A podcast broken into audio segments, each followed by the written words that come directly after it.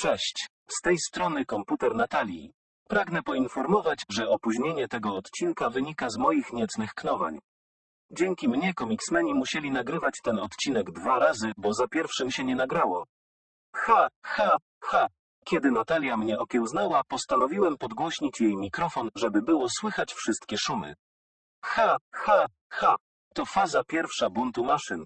Dziś komiksmeni, jutro cały świat. Ha, ha, ha.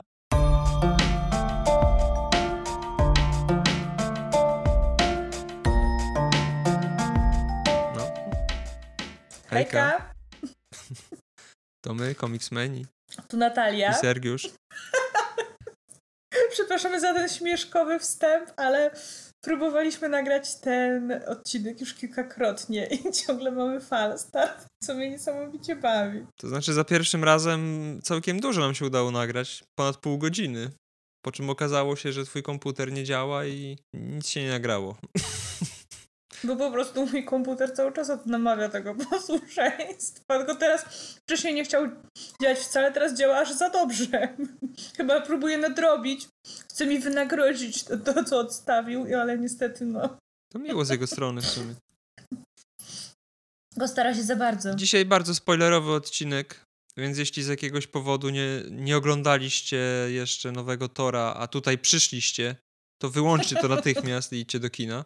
Chyba, że chcecie sobie zepsuć zabawę. Bo omawiamy film Thor Love and Thunder po raz drugi. Miłość i grz... i grom. ja, ja byłam tak nastawiona na to grzmocenie, że ja już nawet zapomniałam, jak brzmi prawidłowa polska nazwa, ale tu nadmienię. Wreszcie już wiem i rozumiem, dlaczego polscy dystrybutorzy nie zdecydowali się na tłumaczenie miłość i grzmocenie. I w sumie to się cieszę, bo byłoby to naprawdę creepy Nie, no to w kontekście fabuły. myślę, że to musiałoby być coś w stylu Deadpoola chyba, żeby się zdecydować na taki tytuł. Ewentualnie pornoparodia. To Mhm. jest idealny, Mhm. idealny tytuł. No to w sumie granica jest cienka między Deadpoolem a pornoparodią. No Fiuta nigdy nie wyjął Tak, na ale no, ew- Jeszcze. no, no, no jest na dobrej drodze. No, tak więc Skoro już mie- mieliśmy trochę tej rozmowy za sobą, to proponuję zmienić trochę kierunek i zacząć trochę inaczej, żeby nie, nie było tak samo jak ostatnio. nie pamiętam jak my wtedy szliśmy. Pamiętam, że zdążyliśmy tylko omówić, czy podobał nam się Gore. No to w sumie możemy zacząć podobnie, bo proponuję coś, co ty zaproponowałaś przy chyba Doktorze Strange'u. Plusy i minusy na początek? A w sensie najpierw to, co nam się nie podobało, najpierw to, co nam się podobało, później to, co nam się nie podobało. Kolejność dowolna, jak chcesz. Mm, wiesz co, no, ja zawsze jak piszę recenzję i tak dalej, to zaczynam od plusów. Kończę ewentualnie jakimiś minusami. Chyba, że coś jest naprawdę absolutnie przechujowe, to wtedy opisuję, jakie jest chujowe, a na koniec daję tam coś, co się jakimś cudem im udało. Więc tutaj ja proponuję zacząć od plusów. Dobra, albo zróbmy inaczej. Ty zaczniesz od plusów, ja zacznę od minusów, bo u mnie ma to znaczenie.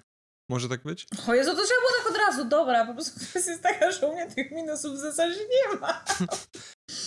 Dobrze, do, zacznę od plusów. Zapraszam. W sensie robimy tak, że ja jeden plus, ty jeden minus? Nie. ja po prostu mam się wyprztykać? Jak, jak uważasz w sumie? Ja się wyprztykam, a ty Dobrze. będziesz ewentualnie komentował to, co Dobrze. ja mówię. Dzisiaj będzie odcinek, w którym ty w końcu mówisz więcej niż ja, mam nadzieję. Zachowamy chyba nie, w miarę jakiś taki porządek w tym, co będzie w tej naszej wypowiedzi, bo inaczej wkradnie się chaos. Tak, więc ogólnie to podobało mi się prawie wszystko. Nie no, dobra. Koniec. Bądźmy poważni. Podstawowy, największy plus filmu, kozy, które mamy potwierdzenie. Tajka powiedział to oficjalnie, że tak, ja to czułam, ja to czułam. Pisałam nawet dzisiaj artykuł o tym. Jestem się dumna, że ja od razu to wyczaiłam, że tak, te kozy brzmiały znajomo. Jeżeli ktoś z was słucha Taylor Swift lub tak jak ja nie lubi Taylor Swift, ale zapoznał się jednak ze słynną przeróbką piosenki Taylor Swift I Knew You Were Trouble z kozą, to tak, ktoś z postprodukcji pokazał tę przeróbkę tajce, tajce się spodobało i w ten oto sposób mamy wrzeszczące w niebogłosy kozy, które pokazały mi, jak bardzo niski poziom poczucia humoru mam. A stali to każdy się zaśmiał za pierwszym razem, ale ja piałam ze śmiechu ilekroć one się tylko pojawiły. To było piękne i wspaniałe. Przeurocze w ogóle były te kozy i one tak śmiesznie wrzeszczały. I moja Audacity mnie nie słucha i ciągle mi podgłaśnia mikrofon. Twój komputer żyje własnym życiem. Dobrze, że nie wrzeszczy. Albo nie, próbuje, albo nie próbuje przyjąć władzy nad światem. Jeszcze. Poczekaj jeszcze. I znowu podleciał. Co on robi? Co on robi? Ja pierdolę. No, co ty na kozy? Bardzo mi się podobały kozy. Nie jest to największy plus, ale jestem bardzo zadowolony z powodu tych kóz i no, krzyczące kozy z internetu to jest coś, co, co lubię sobie czasem obejrzeć, bo zawsze śmieszą. Ale tak, też za każdym razem, szczególnie jak przypierdoliły o planetę tą roczną, to wtedy chyba najbardziej mnie to bawiło. Za pierwszym razem i wtedy. Pierwszy raz. Tak, to były najmocniejsze. Pierwszy raz pamięta się zawsze, jak to powiedział to Rodinson. Przepraszam, jeżeli to, słychać jakieś moje chrupanie, ale jem chipsy. Smacznego. Jest to, jest to miły dodatek, te kozy i czegoś tak absurdalnego się w sumie spodziewałem. Oczywiście w komiksach one nie są tak głupie. No, kozy ciągnące statek, który jedzie po tęczowym moście, który ciągnął go w ten sposób przez wszechświat. No, brzmi to bardzo w stylu tajki. Tak. Kolejny plus, to tutaj w sumie, tutaj już przejdę do takich faktycznie poważniejszych rzeczy, które zazwyczaj ocenia się oceniając filmy, to jest aktorstwo. Yy, nie będę tutaj nawijać o Chrisie Hemsworthie. Chris Hemsworth no, jest fajny w roli Tora, widać, że on się wreszcie od tego Ragnaroku naprawdę się dobrze czuje w tej roli i tak dalej. W zasadzie no, nie pokazał nic nowego. Nie, nie mówię tego jako właśnie jak, jak, jakąkolwiek wadę, czy jakikolwiek przytyk, bo ja w zasadzie to się niczego nowego od niego nie spodziewałam. On cały czas jest takim fajnym tym torem. W ogóle ta postać i Chris to mają coraz więcej ze sobą wspólnego tak charakterologicznie. Śmiałam się swojego czasu, że Krzysiek to się zaczyna trochę zlewać z tym torem. To dobrze. Dla mnie to jest duży plus, kiedy postać i aktor są w sumie jednym. Ryan Reynolds jest tego przykładem. I Deadpool. No tak, tylko że wiesz, no zagrać siebie samego to nie jest żaden wyczyn. No, Mm. Tomasz Karolak na tym karierę buduje od lat. No i nie słowo, wszyscy się z niego śmieją. Ale nadal jest na topie. No jest, no.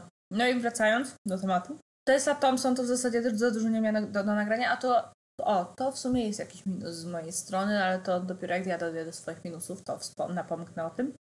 A, Natalie Portman, o której ja prawiłam przynajmniej wobec od lat, że ona jest naprawdę świetną aktorką, no każdy, kto widział Czarnego Łabędzia to potwierdzi, ale że no jednak w kinie rozrywkowym to ona się nie czuje najlepiej. Jak była tragiczna jako Padme w Gwiezdnych Wojnach. Ja wiem, że w Gwiezdnych Wojnach wszyscy byli tragiczni, ale od niej czy od Samuela. Jacksona wymagałam trochę więcej niż od Haydena Christensena. A ona wcale nie była lepsza niż Hayden. Nawet chyba wydaje mi się, że gorsza. Ona nie wiedziała chyba, gdzie jest do końca. I co robi. Takie no wiesz co, wrażenie. no bo Hayden to miał kilka takich scen przynajmniej, którymi on się faktycznie bronił. Gdzie on faktycznie dobrze zagrał, albo przynajmniej przyzwoicie, ona była tragiczna za każdym razem, jak się pojawia. Mniejsza o to, nie rozmawiam o Gwiezdnych Wojnach, bo ja bym mogła o tym gadać w koło Macieju, doskonale o tym wiesz. Wiem. Ona koszmarna też była w dwóch pierwszych torach. Pomijając też fakt, że nie pomagali jej reżyserzy i scenarzyści, bo te filmy były źle napisane, były złe, no, przeciętne co najwyżej. A ta postać była po prostu skonstruowana jak. W sumie nawet nie mam po- porównania zbyt dobrego, to po prostu była sztywna, tragiczna, była po to, żeby być. Fakt faktem była ciut lepsza od tej komiksowej, o czym już wspomniałam w poprzednim odcinku, już bardzo mi się podobała.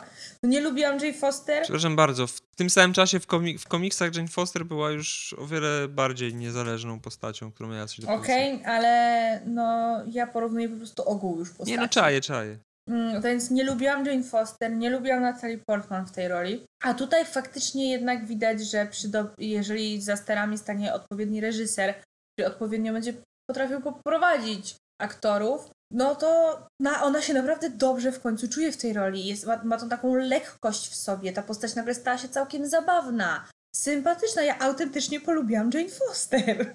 Ja też. Właśnie byłem ciekawy twojego zdania, bo pamiętam, że przed filmem y, się zastanawiałaś głośno nad tym, czy jak, jak to będzie wyglądało w tym filmie. To nie jest tak, że ja ją nagle pokochałam, tak? No nie jest drugą Wandą, nawet do Valkyrie jej bardzo daleko. Ale no, lubię ją, po prostu nie wadziła mi ta postać. Nawet wzruszyłam się, kiedy umarła.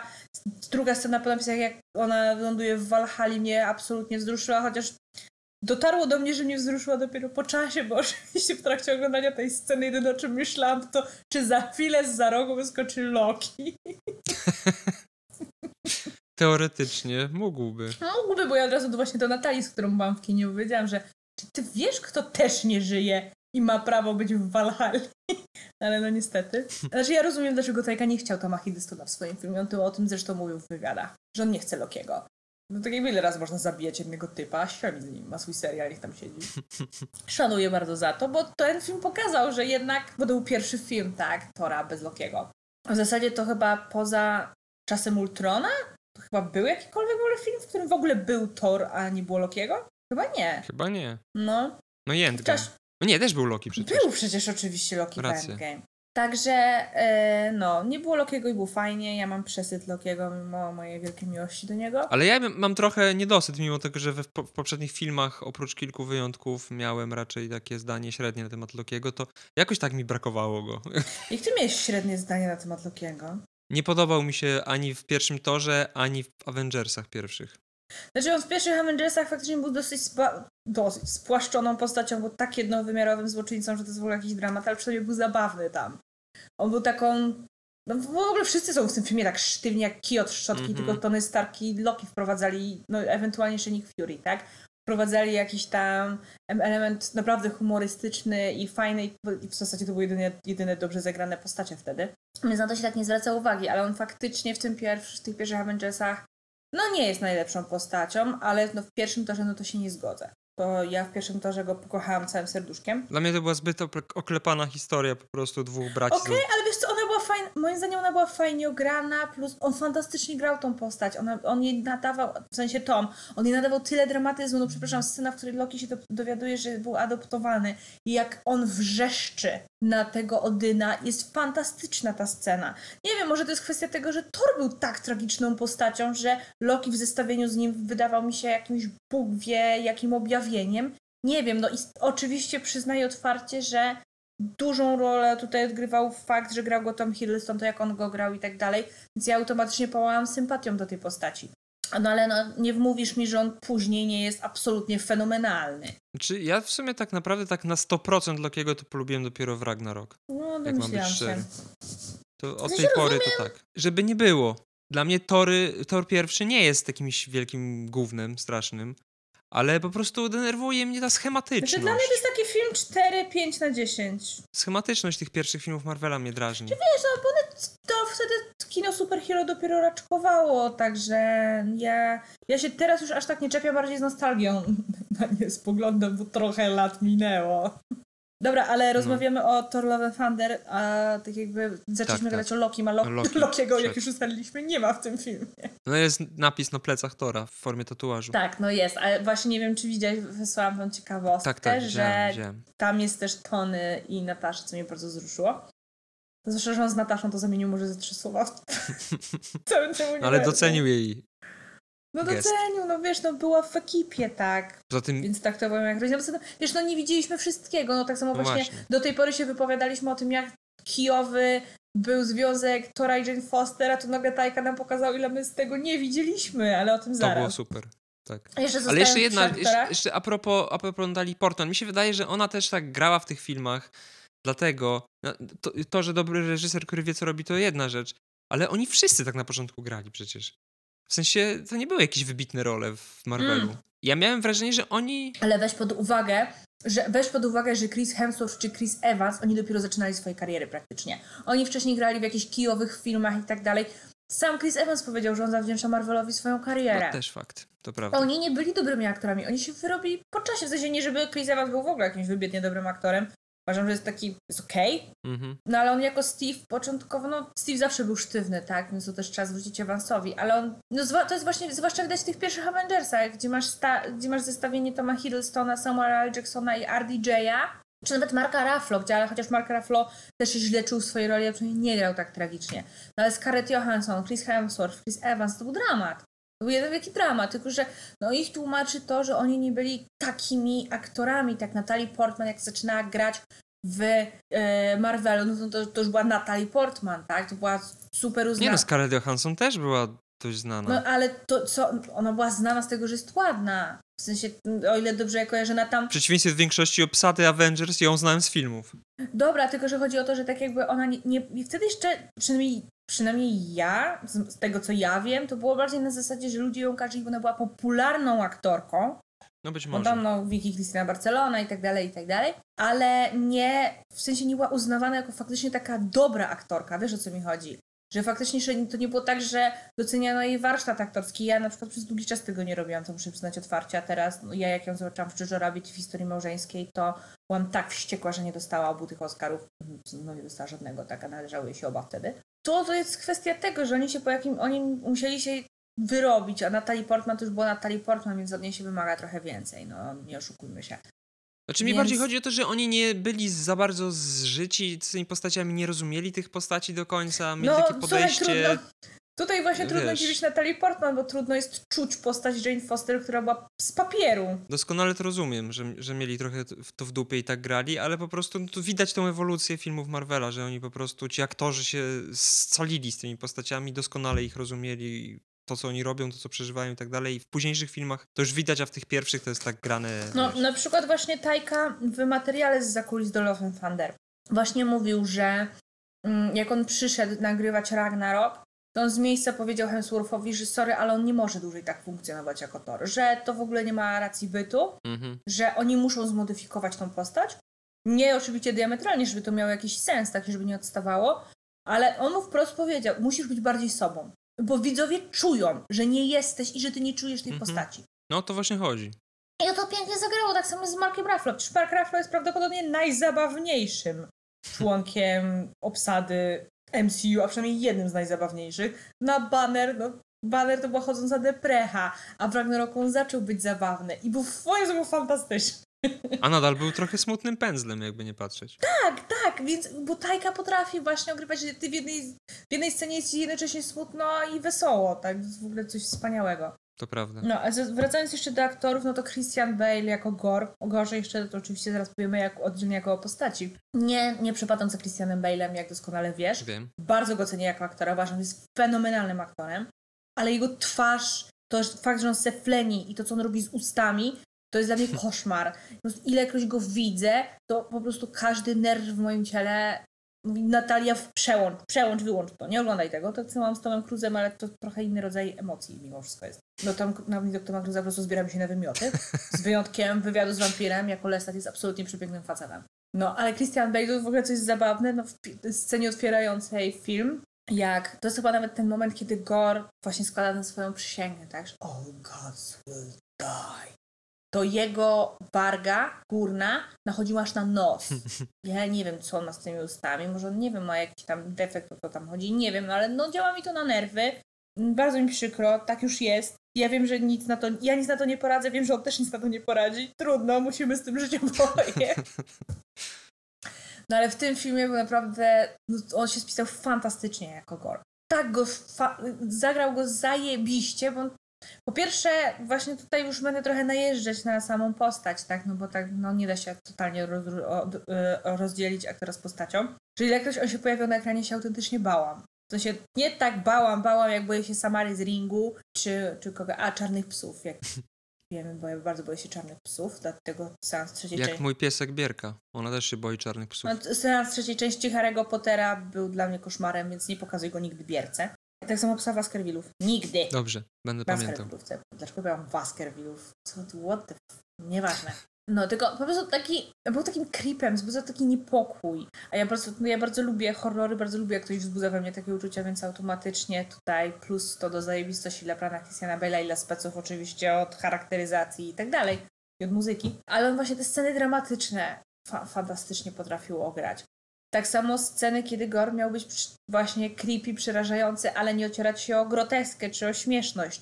A właśnie też były sceny, kiedy był zabawny, tylko że on miał no, nie być zabawny w taki sposób, jak Thor jest zabawny, czy Loki był zabawny.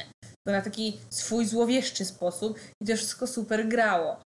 No i kolejna osoba z obsady, o której oczywiście muszę wspomnieć. Wspaniały, najwspanialszy pan w spódnicy, czyli Russell Crowe jako Zeus. Boże, jaki on był cudowny. Ja widziałam, że ludzie się w internecie coś tam czepiają, że co miał w ogóle za akcent. Też się zastanawiałem, to jest grecki akcent? Ja nie wiem. Moim zdaniem to tak jakby to chyba miał być grecki akcent, albo obawiam się, że to było coś na zasadzie Russell Crowe stwierdził, że będzie imitował e, grecki akcent, ale nie chciało mu się robić researchu. Więc gadał tam, jak mi się tam wydaje. Wcale bym się nie zdziwiła z Russell Crowe. Ale no był fajny, bo mam nadzieję, że będzie więcej tego Zeusa. Tylko, że na, właśnie na zasadzie takiego comedy relief, który Mhm. się gdzieś tam pojawia w trakcie filmu, tak? No bo całego filmu o nim to bym nie udźwignęła.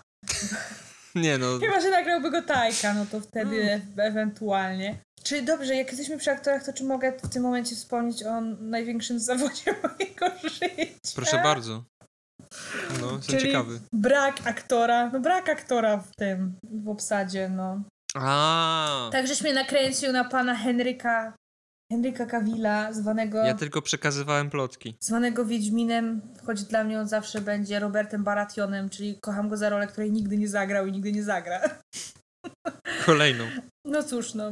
Fani Grotron, a raczej książek, na podstawie których powstała, zrozumieją. To co on był taki ładny w książkach? I muskularny? Robert Baratheon. Kto to był? W Te, sensie pamiętasz Roberta? to był ten, gru, pierwszy gruby król. król? Ten gruby król. Co tam na polowaniu go tak, zabili? i tylko, że on jak był młody, No. to właśnie był taką, A, takim kolesiem, nie chcę tutaj używać jakichś epitetów, które niektórzy mężczyźni mogliby uznać za seksualizację. E, no takim panem jak Henry Cavill, no rozumiesz Dobrze, o rozumiem. co chodzi. mhm. A to nawet widziałam takiego mema, bo właśnie były te, te, te memy, że e, największa tragedia Gry o Tron to właśnie to, co się stało z Robertem. I właśnie były zdjęcia Henry'ego Cavilla, że jako młody, a później jako stary ten z serialu. I właśnie ostatnio trafiłam na, że było młody Robert i, i był Russell Crowe w Gladiatorze. I stary Robert, Russell Crowe jako Zeus, to też pięknie oddaje. No ja wiem, że ja nie mogę mieć pretensji o coś, czego nikt mi nie obiecał, bo ja sobie to ubzdurałam w głowie, bo sprzedaliśmy jakieś pogłoski. No ja uważam, że fantastycznym Herkulesem, czy Heraklesem, czy jak tam Marvel chce, żebyśmy go nazywali, ja będę mówiła Herkules, bo bardziej mi się podoba niż Herakles, po prostu, z bardzo czystych, z bardzo prostych powodów. No on by mi pasował idealnie, perfekcyjnie, w ogóle ja to już widziałam, ja już się cieszyłam. A tu niestety pan z Ted Lasso, którego imienia nawet nie pamiętam. Ja nawet nie pamiętam, jak on wygląda, bo byłam zbyt przejęta byciem oburzoną, że nie jest Henrym Cavillem, żeby w ogóle przyjrzeć się jego twarzy. Wiem tylko, że z panem z Ted Lasso, no bo nasza Natalia cieszyła się jak mała dziewczynka na jego widok i y, to koniec plusów aktorskich. W sensie nie tak, że wszyscy inni pozo- pozostali zagrali chujowo. Ci po prostu zasługują na wyróżnienie. Tak, dokładnie.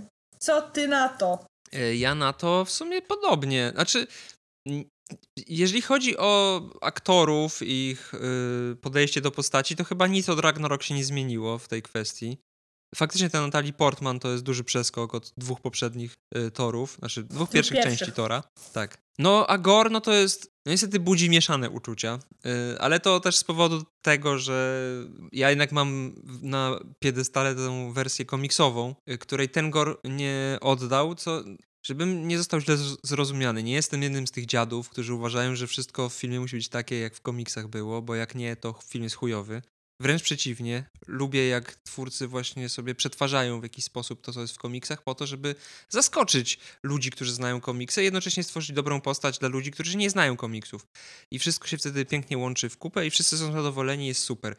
No i z Gorem niby tak jest, ale no i to jest właśnie to, dlaczego chciałem zacząć od minusów, bo y, pojawiło się w tym filmie dużo rzeczy. Znaczy, rozumiem, że jeszcze twoich plusów przejdziemy zaraz, tak? Bo to jeszcze nie koniec plusów. Tak, tak. No dobra, ale, ja tu tak. jak tylko mówiłeś o, po, mówiłeś o wyglądzie Gora i on Nawet nie wyglądzie, bardziej tego... charakterze i jego historii. A, Wygląd to jest osobna okej, kwestia. dobra. Znaczy, w porównaniu. tu, to ci tłumaczyłam, jak za Tak. pierwszym razem próbowaliśmy nagrywać ten odcinek, że jednak film to inne medium, to nie był film o Gorze, tylko o Torze yy, i on, fakt faktem mogło być go znacznie więcej w tym filmie, to jest moim zdaniem spory minus, że jego jest naprawdę bardzo mało. Znaczy ja myślę, że w tej czterogodzinnej wersji mogło być go więcej i ta czterogodzinna Tak, wersja by tak. mnie usatysfakcjonowała, a ta okrojona... Ja myślę, że istnieje szansa, że jeżeli rozpoczniemy ruch release the Taika Cut, to on na Disney Plus może się faktycznie pojawić taka wersja, mam nadzieję. Ja zamierzam rzucić takiego tweeta, od razu mówię. Zapoczątkuję nasz ruch, e, ale... Zapoczątkuj. A, no właśnie, że tak jakby ta jego historia musiała zostać skondensowana do filmu i tak trochę przerobiona,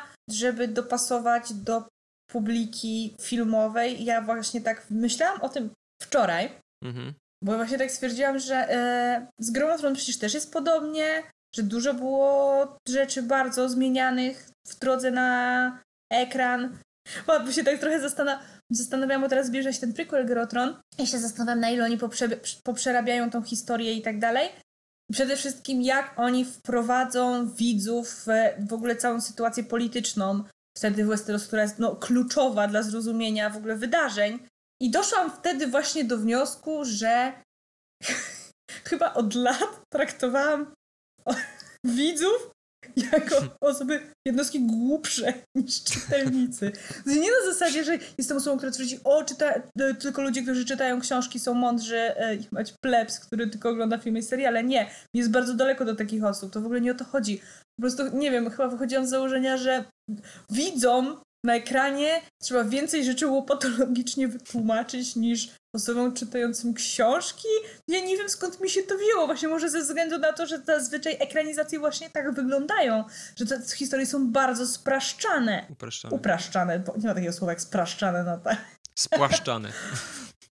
No, ale też upraszczane, tak, Tak, że tak. coś, co jest, ma super ileś tam odnóg, głębi i tak dalej, nagle zostaje skondensowane do psz. Nie, ale to jest, to jest naturalne. No, tak, to, że w Harrym Potterze wypierdolili wątki, które były w książce opisywane na kilka rozdziałów, Ale jest dla mnie chodzi mi o, Ale mi nie chodzi o usuwanie wątków, mi chodzi o tłumaczenie tego samego wątku w sposób o wiele prostszy i bardziej łopatologiczny, że, żeby widzowie to zrozumieli. Nie wiem, może z tego mi się to wzięło, bo ja nie chcę tu wyjść na pretensjonalną służ, która wychodzi z założenia, że jeżeli czyta książki, to jest mądrzejsza od ludzi, którzy tego nie robią, bo tak nie jest. Aczkolwiek zachęcam, czytajcie książki. Wzbogacicie swoje słownictwo, powiedziała Natalia, która nie potrafi się kurwa wysłowić, albo wymyśla jakieś niestworzone słowa. Nie bierzcie mnie za przykład. Nie bierzcie mnie za przykład. No, ale kontynuuj, bo ci oczywiście ordynarnie przerwałam i zaczęłam swój słowotok. Zapomniałem, o czym mówiłem. Czekaj, Gor? O, o minusach A, dobra. związanych z gorem. Chodzi mi o to, że ta historia Gora była o wiele bardziej emocjonalnie działała, działała w komiksie niż w filmie. W filmie on jest taki, no taki, już mam wrażenie, nie umiem powiedzieć, nie umiem przywołać przykładu konkretnego, ale mam wrażenie, że już takie postacie widziałem, w sensie, Znaczy, on mi przypomina Zimo. Historią. na przykład, no w sumie tak, no tak, racja, tylko tutaj dochodzi ten wątek Tylko skażenia przez... miał większy ładunek miecz. emocjonalny, Tak. może dlatego, że był pierwszy, plus był mniej odrealniony, no nie oszukujmy się, tak? Ale Był też to takim było jakoś- przyziemnym człowiekiem. Też to było jakoś chyba lepiej pokazane moim zdaniem. To było takie jeb na Bo początku. Zimo, tak, bo Zimo, nie, w Zimo nie było więcej, ale... Lepiej, jakościowo lepiej. To tak, tak. A tutaj to było takie jak z bajki dla dzieci. Po prostu masz, nie wiem, króla lwa i... No oczywiście jako dziecko dzia- działała na mnie śmierć Mufasy bardzo, ale teraz jak to oglądam, to w ogóle żadnych Ej! emocji to we mnie nie wywołuje. Co? Ja jak Naprawdę. byłam, jak wchodziła w 2019 roku, wchodziła ta wersja niby tam live action, tak no, by trudno Mhm. nazwać live action. Bardziej realistyczna. Ta wersja Johna Favreau, to właśnie miałam scenę, kiedy ja z moją przyjaciółką, Ola, pozdrawiam serdecznie, wiem, że nas nie słuchasz, bo nie oglądasz Marvela, bo nie lubisz filmów Marvela, więc haci w za to, ale i tak cię kocham. O- Ola poszła na Eternals i powiedziała, że nie podobał jej się ten film, bo facet strzelający laserami z oczu to dla niej za dużo. I jak Boga kocham, miałam ochotę wgryźć się w tętnicę. Takie, to na chuj, żeś poszła do do kina. Mniejsza o to, koniec o Oli. A siedziałyśmy z Olą. Ale uwaga, można się przyjaźnić z ludźmi, którzy nie lubią tych samych rzeczy, co? ty. Na Można. przykład ja wciąż rozmawiam z tobą, mimo że twierdzisz, że Anakin jest przereklamowany. Wrócimy do tego. Tak, będę to wypominać. Będę to wypominać. A tak, bo musisz jeszcze raz powiedzieć to, co Tak. powiedziałeś, jak zagraliśmy za pierwszym razem. No, ale jeszcze tylko skończę moją dygresję. No to i wyobraź sobie sceny, jest cały rząd pełen, zapełniony w kinie, gdzie przy, prawie praktycznie wszystkie siedzenia to są dzieci, takie na oko 7-8 lat, a dwa to jajola. Umiera Mufasa, jajolka płaczem jak małe dzieci, a te dzieci, co siedzą koło nas, pokazują na nas palcami i się z nas śmieją. Ja wtedy się na nich nawydzierałam, powiedziałam, że są personifikacją mojej nienawiści do dzieci. to był czas, kiedy naprawdę nie, nie lubiłam dzieci. Jestem z ciebie dumny. Także śmierć Mufasy działa zawsze, przynajmniej dla mnie. No, nie wiem, ja widziałem ten film, w sensie oryginał tam z 90 lat, widziałem chyba ze dwa czy trzy razy i za pierwszym razem to faktycznie, nie żem płakał, jak miałem te kilka lat, ale no, zrobiło to mnie wrażenie, zapamiętałem to bardzo dobrze, ale za drugim razem, no nie wiem, może dlatego, że to po prostu zapamiętałem i wiedziałem, co się wydarzy, no nie wiem, ale w każdym razie, w sumie z Mufasą było lepiej, w sensie, no bo widziałaś tą relację między synem i ojcem, było coś tam nabudowane, a tutaj masz rzucone kolesia, który po prostu niesie umierającą córkę, ta córka mu umiera i okej, nie wiem, może ja mam znieczulicę, może po prostu za dużo. No nie wiem, no to trochę masz, bo ja płakałam już na tej No, scenie. m- dla mnie to było takie, no, no okej. Znaczy wiesz co, ja też jestem osobą, która jeżeli ja wiem, że dana postać z założenia musi mieć dosyć mało czasu ekranowego, no to ja lubię, no właśnie y, fajnie jeżeli twórcy tak robią, że pozos- zo- pozostawiają ci jakieś tam pole do własnych interpretacji, że tak nie po prostu sobie nie, tyle dopowiadam, tak, bo to nie jest tak, że sobie wymyśliłam nagle całą historię Gora i jego córki,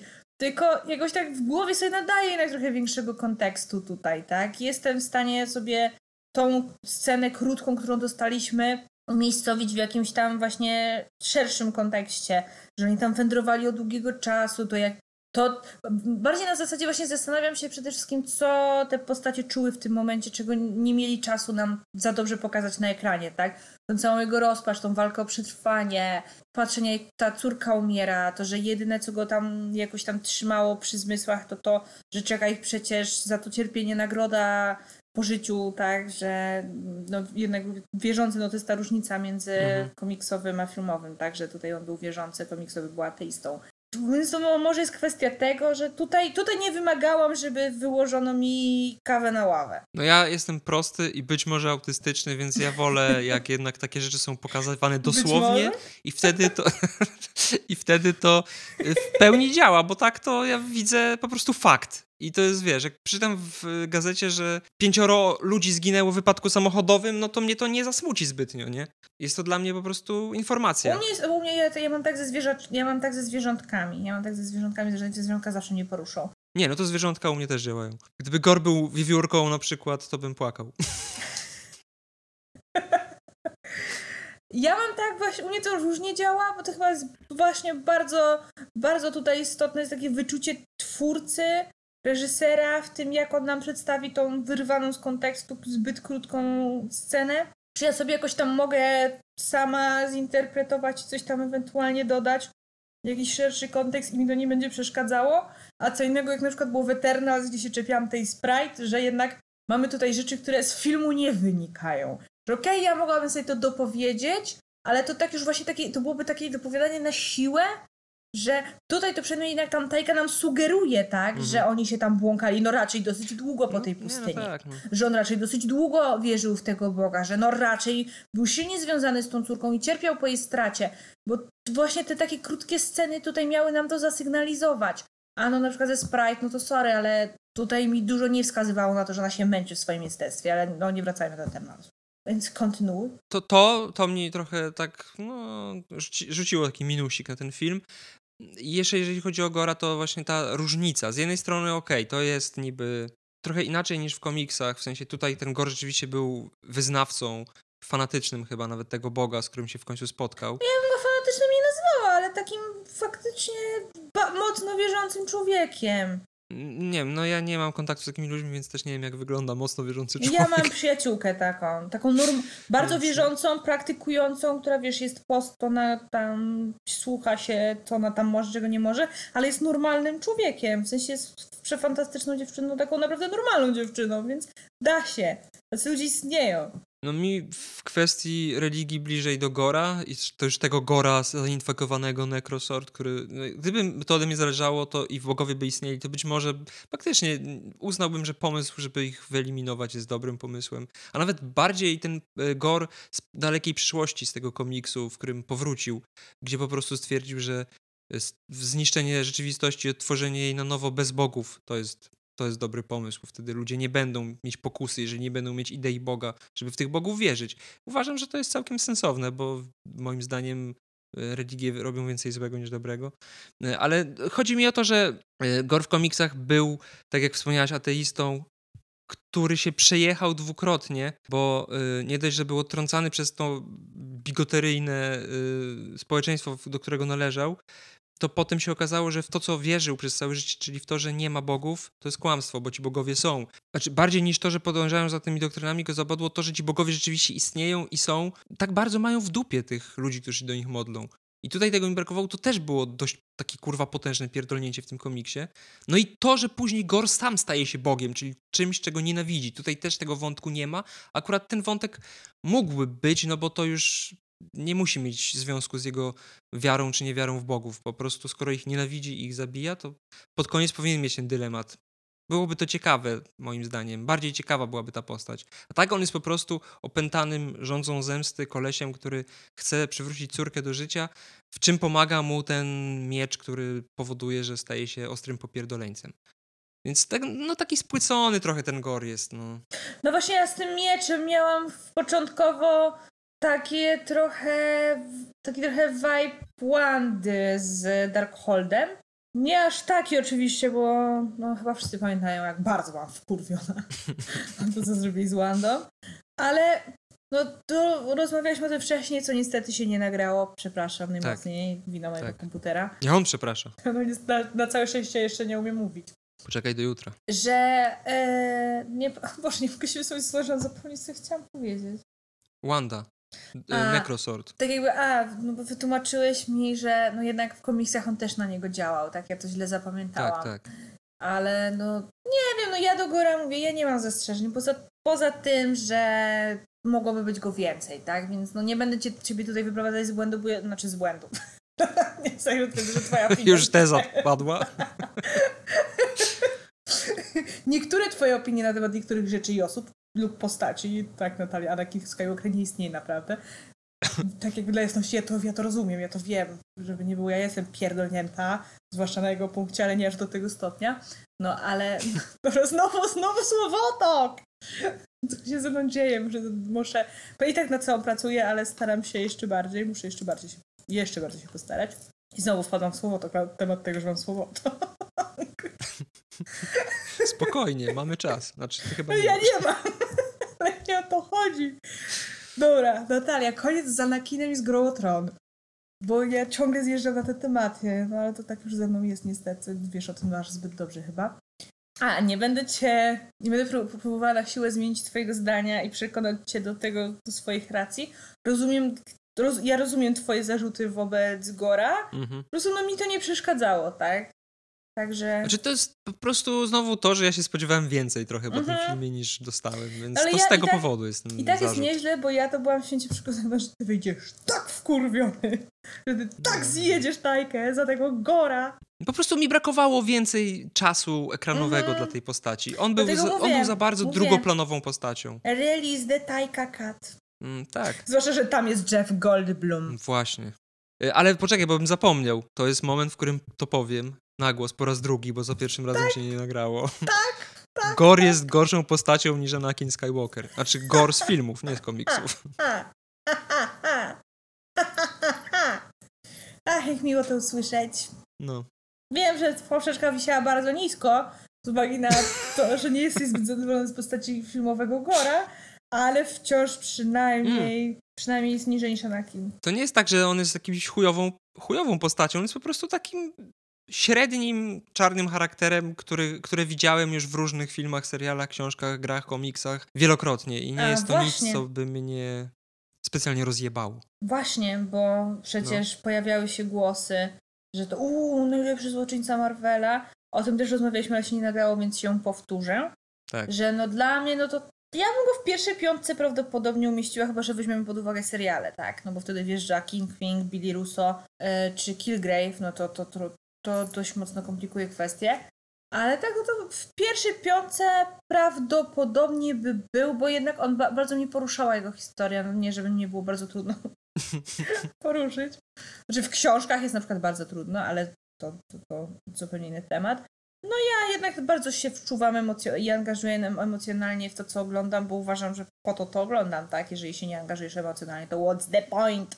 Plus ja lubię płakać, więc ja też tak... No ja jestem osobą nadwrażliwą, nic na to nie poradzę, więc celebruję to po prostu. Co mam płakać z tego powodu? W sumie to lubię płakać, więc mogłam. Polubiłam jego postać, fakt faktem, no mogłoby być jej więcej, ale współczułam mu, podobała mi się jego historia, pięknie współgra z historią Tora, te właśnie paralele, gdzie przecież właśnie mamy e, upadek ideałów, poznawanie swojego tam Boga czy autorytetu, tak on tutaj Gor poznał Idola. tego Boga, w którego wierzył, no właśnie idola, tak, a Thor poznał Zeusa i obaj spotkali się w zasadzie z takim samym potraktowaniem. a jak różna była ich reakcja, tak? Obaj stracili w zasadzie wszystko w swoim życiu i jak, jak różnie to na nich wpłynęło. No prawda jest taka, że e, jak w sumie to ładnie powiedziała matka Tora w Endgame, że o tym, jakimi ludźmi jesteśmy, nie świadczą nasze sukcesy, tylko to, jak znosimy porażki. Więc tutaj to też można tak powiedzmy, że powiedzieć, że sparafrazować, że jakby o, o tym, jakimi jesteśmy ludźmi, świadczy to, jak, nie wiem, znosimy traumy, czy stratę i tak dalej. No porównaj sobie nasz Tora i Wandę. Oboje należeli do Avengers. Oboje wszystko stracili. Jak wielka jest różnica, przecież już nawet Gor nie był tak czarnym charakterem jak Wanda. To prawda, ale też trzeba wziąć pod uwagę to, że jednak Wanda była młodą ziemianką, więc może po prostu inaczej znosi traumy niż jakiś Bóg Asgardzki albo kosmita w sumie nie, nienazwany chyba. No to no właśnie dla mnie to Gor był takim zwykłym, zwykłym ziomkiem, takim sobie Januszem z tatu, z. tak więc ja tutaj widzę dużo paraleli między nim a Wandą, no i Wanda to nie wypada zbyt dobrze, ładniejsza jest to na pewno. Nie sepleni. nie sepleni. I usta ma ładne i ładnie mówi, a nie...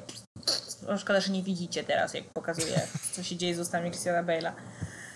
No, przechodząc dalej, bardzo mi się podobał humor.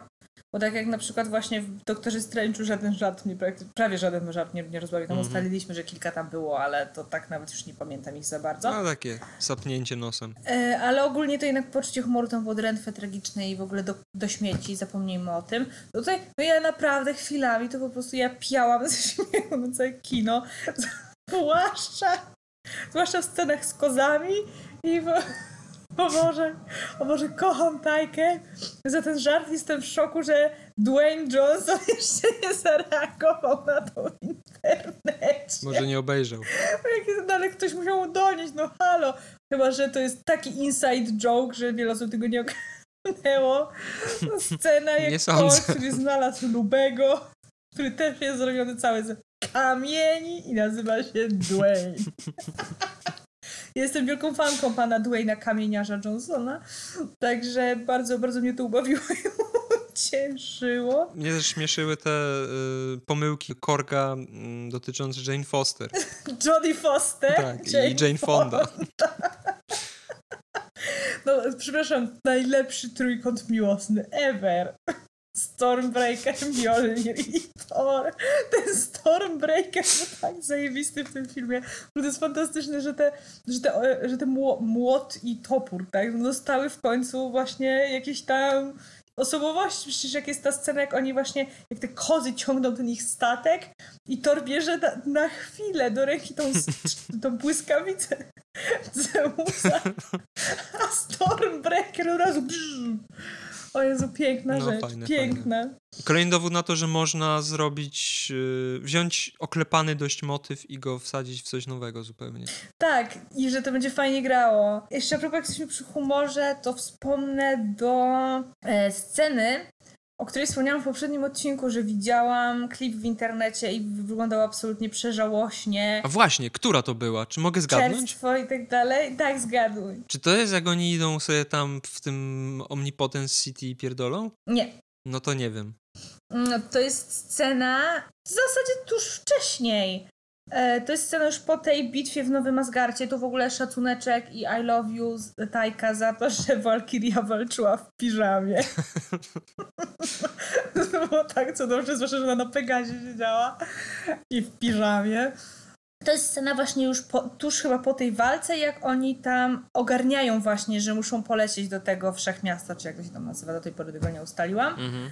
I to jest chyba pierwszy, to jest pierwsza scena, która nawiązuje do tego, że Jane chce mieć to swoje catchphrase jako Thor. I ona coś tam rzuca i tam wrzuca jakiś przypałowy tekst, coś z Bifrostem związanego i wylatuje przez ten. I ja, jak ja zobaczyłam właśnie ten urywek, mówię, Boże, jakie to było suche. Co to w ogóle miało być? Ale właśnie, w filmie to zostało tak ograne, że ona zniknęła, to się w tym momencie urywa to, co ja widziałam i nagle właśnie Jane, tam chyba Valkyria mówi to do Tora, ale to było suche. Więc to zostało w ten sposób ograne. Nie, no to się broniło. Wycię wycięcie tej sceny, podejrzewam, że wielu tych scen, które były śmieszne, jakbyś je zobaczyła bez kontekstu, to mogłabyś sobie pomyśleć, ale kurwa, że nada. Kaszana.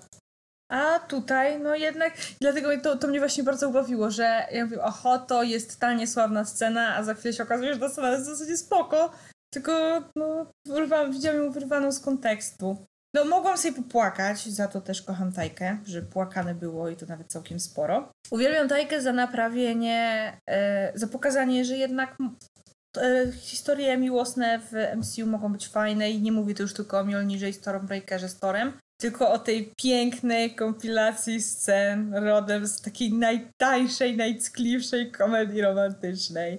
Wspaniałe. Cudeńko. W ogóle no, tą relację fajnie jakoś tam pogłębili, to fajnie grało. W ogóle z Natalią się śmiałyśmy, że ja tam bym, ja tam bym oglądała film krótkometrażowy o nich, właśnie utrzymany w takiej konwencji, stworzony przez Tajkę. Ja też. To jest naprawdę coś wspaniałego. No to, ten motyw z jazdą na rolkach. Wciąż jeździsz na rolkach? Twoja co weekend. Albo jak się kłócili, kto, kto, kto z kim tak naprawdę zerwał. I ten Tor, który zawsze musi mieć ostatnie słowo, tak? Co tam? A, no, trwa, tu muszę przyznać, że dobrze, tak jakby charakteryzatorsko bardzo mi się podobał, jak był rozjazd między Jane, dr Jane Foster a potężną Thor, że zazwyczaj w filmach rozrywkowych, jak ktoś umiera na raka, no to nie wygląda, jakby umierał na raka. Mhm. A po tej, po tej, ta Jane to przynajmniej wygląda, jakby była chora. Tak, faktycznie wygląda, jakby była chora. No nie wygląda, jakby, Tak. była, chemio, jakby była poddawana chemioterapii, ale znam osoby, które też były poddawane chemioterapii i też nie straciły włosów, więc no to jakoś tam da się jeszcze wytłumaczyć, tak? No ale no ogólnie no nie wygląda tak, jak wygląda większość lasek chorych na raka w filmach rozrywkowych. Więc to też plus. Mhm. A, No. Bardzo mnie bawi rozjazd właśnie między klimatem i powagą komiksów a filmu. Wiesz, jak omawialiśmy ten komiks, który mi się tak bardzo podobał, ten tego bogobójcę, czyli ten pierwszy z udziałem Gora, ja właśnie mówiłam, że w sumie trochę przeraża mnie to, że tak mi się spodobał ten komiks, tak mi się spodobała ta historia, e, ale ona jest tutaj tak poważna i no trochę mi to zgrzyta z tym, że ten film będzie taki kolorowy, festyniarski i tak dalej. W tym komiksie jest ta scena, jak jest pierwsze spotkanie Tora z Gorem Mhm. i właśnie tam, e, co Goro go pyta, że zanim go zabije, to chce wiedzieć Bogiem czego był. Tak. I on właśnie tam mówi, że mm, właśnie tak zwraca uwagę, że większość bogów to, to nie wiem, wojny, śmierci i tak dalej, że takich bardzo negatywnych rzeczy, a tych takich pozytywnych to jest dosyć mało. I tutaj to miało to taki właśnie to, jakich różnych tam mamy bogów we wszechświecie, w różnych religiach i tak dalej, to miało właśnie taki pierwsze smutny i poważny, ale też taki nowy dźwięk, który daje trochę do myślenia. Mhm. Tymczasem Tajka w filmie Bóg pierożku. Ale wiesz co? Y, U, u Arona też się pojawiały takie absurdalne bóstwa. Y, Jakieś, nie wiem, Bóg. No, może nie aż tak Bóg słodziutkie. bo on był tak, Tak. on był tak, właśnie był tak przeuroczy. Ale jakieś takie pierdoły były, nie wiem, Bóg bąbelków albo bogini, nie wiem, zgnilizny, O, nie? Jakieś fajne. rzeczy, których w sumie teoretycznie nie powinno się czcić, a jednak tacy bogowie w, w pomysłach Arona istnieli. Poza tym on, mimo tego, że te komiksy były bardzo poważne, to jednak tam był humor taki i dystans Mhm. pewien. I ta powaga też służyła, miała swój cel. Ona po prostu, to, to było specjalnie poważne po to, żeby to, to była taka troszeczkę taki troszeczkę żarcik y, z tych wszystkich sag y, nordyckich, bo on często w y, tych ramkach narracyjnych pisał w taki sposób, że to właśnie miało charakter, taki podniosły charakter, jak właśnie w tych różnych sagach staro, starodawnych, a jednocześnie były tam wtrącane jakieś takie absurdalne rzeczy, więc tam ten humor też gdzieś się pojawiał. Oczywiście nie tak prosty jak u Taiki Waititiego, bo on jednak mimo wszystko ma te żarty dość proste i takie, powiedziałbym, podstawówkowe, ale to nie jest ża- żaden minus, to jest jego urok. Tak, tak. Ja E, go właśnie za po to kocham. In, inne po- podejście do poczucia humoru. Ja Tajkę za to kocham. Ale on to samo zrobił w, to samo zrobił w Tak. Ragnarok. Tam też komple, Thor kompletnie jest inną postacią i z tego sztywniaka stał się po prostu przygłupem śmiesznym. U Tajki to też nawet nie chodzi właśnie tylko o poczucie humoru, tylko w ogóle o to, o czym on nam opowiada. Że Tajka ma, jest mistrzem w opowiadaniu o rzeczach tak prostych, że wręcz takich banalnych, prostackich, ale w tak wspaniały, ciepły, poruszający i w- właśnie wbrew pozorom całkiem głęboki sposób, że to, że to fantastycznie działa. Tak. Dlatego ja uwielbiam jego filmy, bo one są piękne w swojej prostocie właśnie. One są No opowiada miłe tak- przede wszystkim. Tak, takie milutkie, one ci robią dobrze na sercu. Nawet ten cholerny Jojo Rabbit, gdzie Tajka złamał mi serce Mhm. i ja byłam, ja byłam w takim szoku. I to było tak zaskoczenie, no bo film, film jednak za, tak jakby zapowiadany, zapowiadany był jako komedia. A tu nagle, i przez większość czasu był komedią, a tu nagle dostajemy po prostu cios w brzuch. I to taki porządny. Ale ostatecznie wydźwięk filmu jest taki no pozytywny, taki ciepły. No i to jest Mhm. właśnie piękno Tajki, że on o wszystkim jest w stanie ci opowiedzieć tak, że ty od razu będziesz się czuć lepiej, wszystko będzie jakieś bardziej kolorowe, kotki bardziej uśmiechnięte i w ogóle więcej kotków będzie, bardziej puchate, przepraszam, nawiązałam do kotków, patrzę teraz na mojego Boba, który się przeciąga. Pozdro 600. Buniu, masz pozdrowienia? Y, Dziękuję. No tak szczerze to macie w dupie, ale no cóż, taki już jest Bobsu. Taki już jego urok. E, No, że no po prostu no Tajka ma dużo mi, w sobie miłości do ludzi i do świata i on tą miłość pięknie przelewa w swoje filmy. Na przykład właśnie pokazując nam Bao, Boga Pieroż. A no nie wiem, czy, czy tam zauważyłeś w naszych wiadomościach, że Kuba Natalii wyczaił tam Jezusa w tej scenie. Tak, tak, właśnie miałem do tego Bo ja nawiązać. znaczy w tych wiadomościach z grupy nie, bo nie czytałem wszystkich, e, ale właśnie tam pada, nie, że ty się zastanawiałaś, czy, ciekawe, czy będzie Jezus, przecież to postać Marvela, no i jakby nawiązanie do niego jest. Ja nie wyczaiłam. Że był ten cie, pan Cieślaj, no ja nie, nie, tak, nie tak, tak, wyczaiłam. Bóg, Bóg cieśli. Nie wyczaiłam tego nawiązania. E, Ja, ja chyba wtedy byłam zbyt zajarana panem Bao i Zeusem. Z jeszcze raz obejrzę film, może wtedy uda mi się wyłapać. Co jeszcze? No ogólnie podoba mi się przesłanie tego filmu, które no też jest w sumie prostackie, tak? Lo, love is the answer. Że wygrywa człowieczeństwo. Ale podane w taki sposób, że Tak, przekonuje. No, są pewne uniwersalne rzeczy, które mogą się wydać prostackie, ale jak je widzisz, to uważasz, tak, że to tutaj jest gra, to okej, działa, no. no. musi, to musi być dobrze sprzedane. Nie ma w tym nic złego, że o tym się No mówi. w ogóle, a wspomnę jeszcze o scenie, bo ty, e, pamiętam, że ty ojczyłeś, że sceny walk są takie, w zasadzie to żadne. Dobrze pamiętam? Znaczy nie, ja mi się nie podobała ostatnia scena A, okej. walki. No. Y, Thor, Thor i Gor.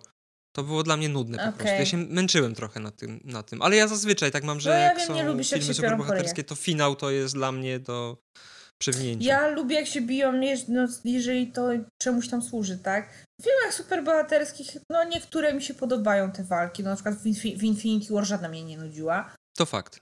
W Civil War mnie nudziły niektóre. Ale tutaj, no tutaj szacun, że jednak widać, że ten Marvel coś tam kombinuje, no bo w, w Dziwago 2 mieliśmy nutki, które Joanna, pozdrawiamy Jasia. Joanna tak bardzo lubi.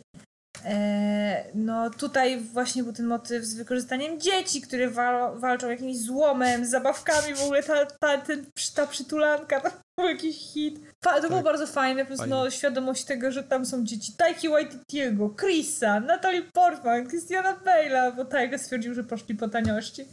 No i w ogóle fun fact, bo nie wiem, czy nasi słuchacze to wiedzą, ale właśnie dziewczynka, która zagrała córkę Gora, którą teraz wychowuje Thor, to jest córeczka Chrisa Hemswortha. Więc superancko, dziewczynka rozpoczyna ładnie karierę. No i ładne to jest w sumie. A w ogóle Chris chyba nawet. Chris dzisiaj albo wczoraj wrzucił właśnie post na Instagrama, że pierwsza wizyta tej córeczki na planie Thor The Dark World. Jak ona była takim berbecie, że nawet nie siedziała chyba, tylko tak sobie, Pełzała. no dobra, powiedzmy siedziała, ale była takim raczkującym bobasem z pieluchą na tyłku. A obok właśnie zdjęcie z planu Love and Thunder, gdzie ona już jest nawet w tym swoim stroju, w tej charakteryzacji. No super sprawa. W ogóle no zaskoczyli mnie tym zwrotem akcji, że Thor będzie miał teraz dzidzie. No, to fajnie tłumaczy to, że Mhm. ten Thor dalej będzie w MCU, co zapowiadał Kevin Feige, tak? Więc tutaj faktycznie jakoś tam znowu rozwinęli Tak. tą jego postać. On wszedł na kolejny level, no bo teraz jest wujkiem, tatą. Czekaj chwilę, bo... Bobsu, przestań! Psz, psz, przestań!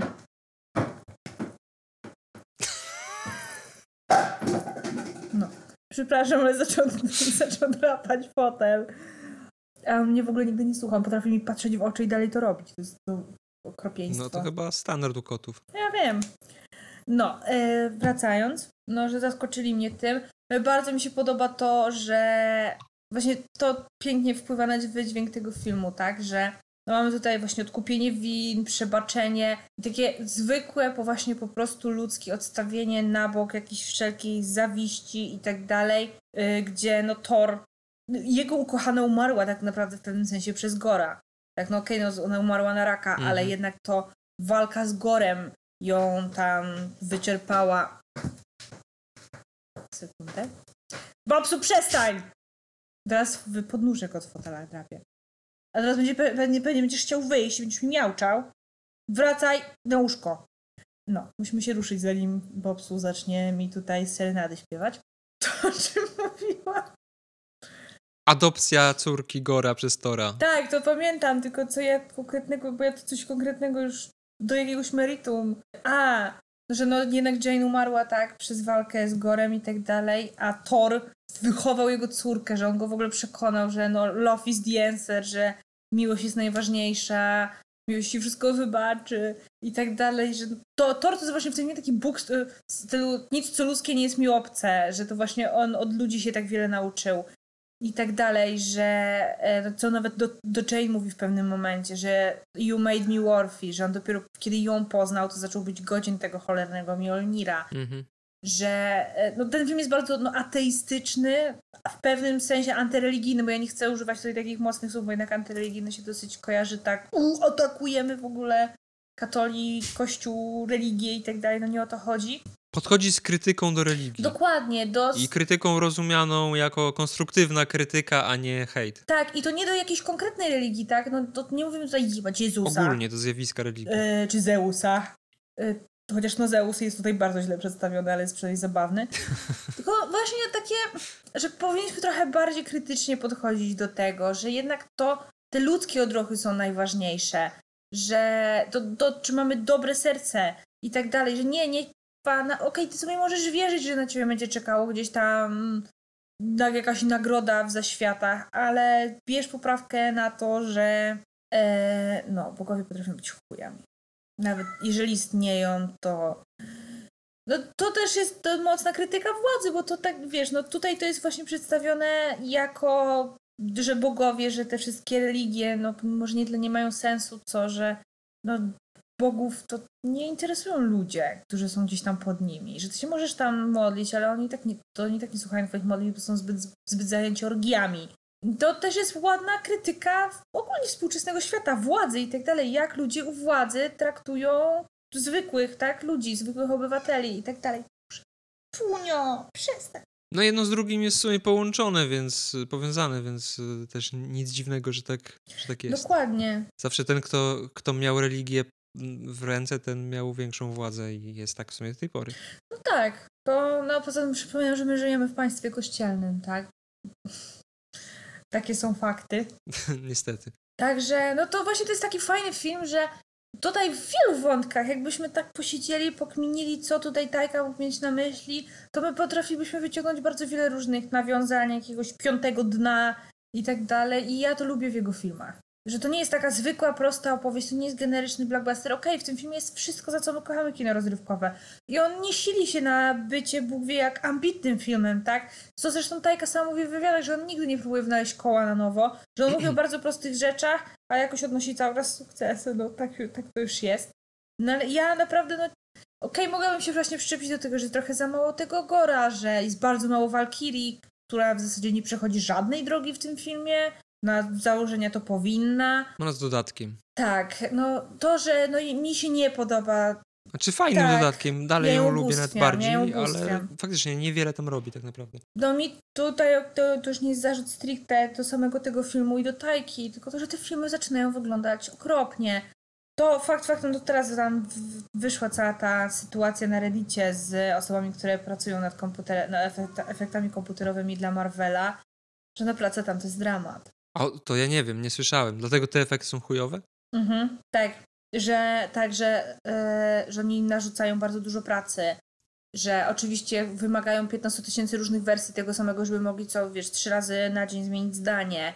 Że ci ludzie pracują pod ogromnym stresem, są totalnie gnojeni, a dostają za to psie pieniądze. A to kutasy z Marvela. No i tam zazwyczaj to właśnie podnoszą to, że Marvel przez to, że oni mają w tym momencie nieograniczony budżet i tak dalej, że są potęgą popkulturową, Oni są trak- absolutnie koszmarnymi klientami i nikt nie chce właśnie z komputerowców z nimi pracować, bo to jest dramat. No, to, to jest kwestia. Dla, I to jest to, co ja powtarzam już od dłuższego czasu i mi to zaczyna coraz faktycznie coraz bardziej wadzić, że tego jest za dużo. Że ja wspominam już z nostalgią czasy, kiedy premiera w produkcji Marvela to było święto, bo to było raz w roku, najczęściej właśnie w maju i się na ten maj czekało po prostu jak na gwiazdkę. A teraz dostaniemy trzy filmy, cztery seriale, tego jest bardzo dużo, więc po pierwsze, no, no my mamy takie poczucie, ja przynajmniej mam takie poczucie trochę przesytu, że ja bym chciała jednak trochę zatęsknić za tym uniwersum. Że ja się czuję czasami wręcz przytłoczona tym, że tego Mhm, jest tyle, to że na przykład, nie wiem, teraz leci Mrs. Marvela, ja bardziej z obowiązku oglądam ten serial niż z czystej przyjemności. Że, bo pamiętam jak był taki moment, że ja byłam totalnie w dupie z tymi serialami. Poza tym perspektywa tego, że jest, Tak, że tak. ile jeszcze seriali I- będzie też już potrafi działać przytłaczająco. Ja pamiętam właśnie, jak był ten moment, to był któryś konwent Netflixa. Ja, kurwa, Netflixa, a siomi, obrzydliwcu paskuda. Nie, Disneya. Mm, Gdzie oni właśnie zapowiedzieli te wszystkie seriale Marvela i wszystkie seriale z uniwersum Star Warsów, to ja autentycznie dostałam mini ataku paniki. To, że tego jest za dużo. Że ja nie wiem, co ja mam, ja, ja nie będę wiedziała, co ja mam ręce włożyć, a jeszcze zwłaszcza, że ja teraz totalnie już stałam się totalnie fanką Gwiezdnych Wojen i Star Warsów, jak podkreślam, tak wiem, że powiedziałam to w jednym z odcinków, że jestem fanką Gwiezdnych Wojen i Star Warsów. Czy to był ten odcinek, w którym, w którym ja Chyba powiedziałem, tak. że ktoś się cofnął w przyszłość? Także chodziło mi wtedy o Gwiezdne Wojny i Grę o Tron, jak coś. No, ale mm, więc teraz jak już totalnie właśnie weszłam też w to uniwersum, ja wiem, że tego tam będzie tyle, a przede mną jeszcze tyle odcinków Wojen Klonów. No dramat, dramat, więc tego jest za dużo. I po prostu widać, że oni nie wyrabiają czasowo i te filmy i seriale wyglądają coraz gorzej. I teraz przepraszam, bo jednak muszę wypuścić, bo w zasadzie albo mi rozpierdoli Wypuść. pokój, albo mi Wypuść. gdzieś tu na sika. Mi coś w oko wpadło. No idź, Buba. No idź. Już szybko, szybko. I'm back. Nie no, jest tego faktycznie trochę dużo. Z jednej strony mnie to, jak, jak ogłosili te wszystkie rzeczy czwartej fazy, bardzo mnie to cieszyło, że tego aż tyle będzie. Ale odstęp czasowy pomiędzy tymi produkcjami jest chyba trochę za krótki jednak. Mhm. E, Poczekaj, nie E, uwierzysz? A niedługo Właśnie- San Diego Comic Con. Właśnie Bobsu się dobija, żebym go spuściła z powrotem. Sekundę. Znam to, z Groszkiem jest tak samo. Bobsu, nagrywam podcast, odczep się ode mnie. Zaraz zejdę. No niestety koleżka chyba jednak czegoś ode mnie chce, albo jedzonka, albo wyjścia na dwór, więc musimy się pospieszyć. Znaczy ja się cieszę z Comic-Conu, bo wreszcie pokażą nam zwiastun rodu Smoka. Ale tak, no zapowiedzą pierdyliard rzeczy związanych z Marvelem.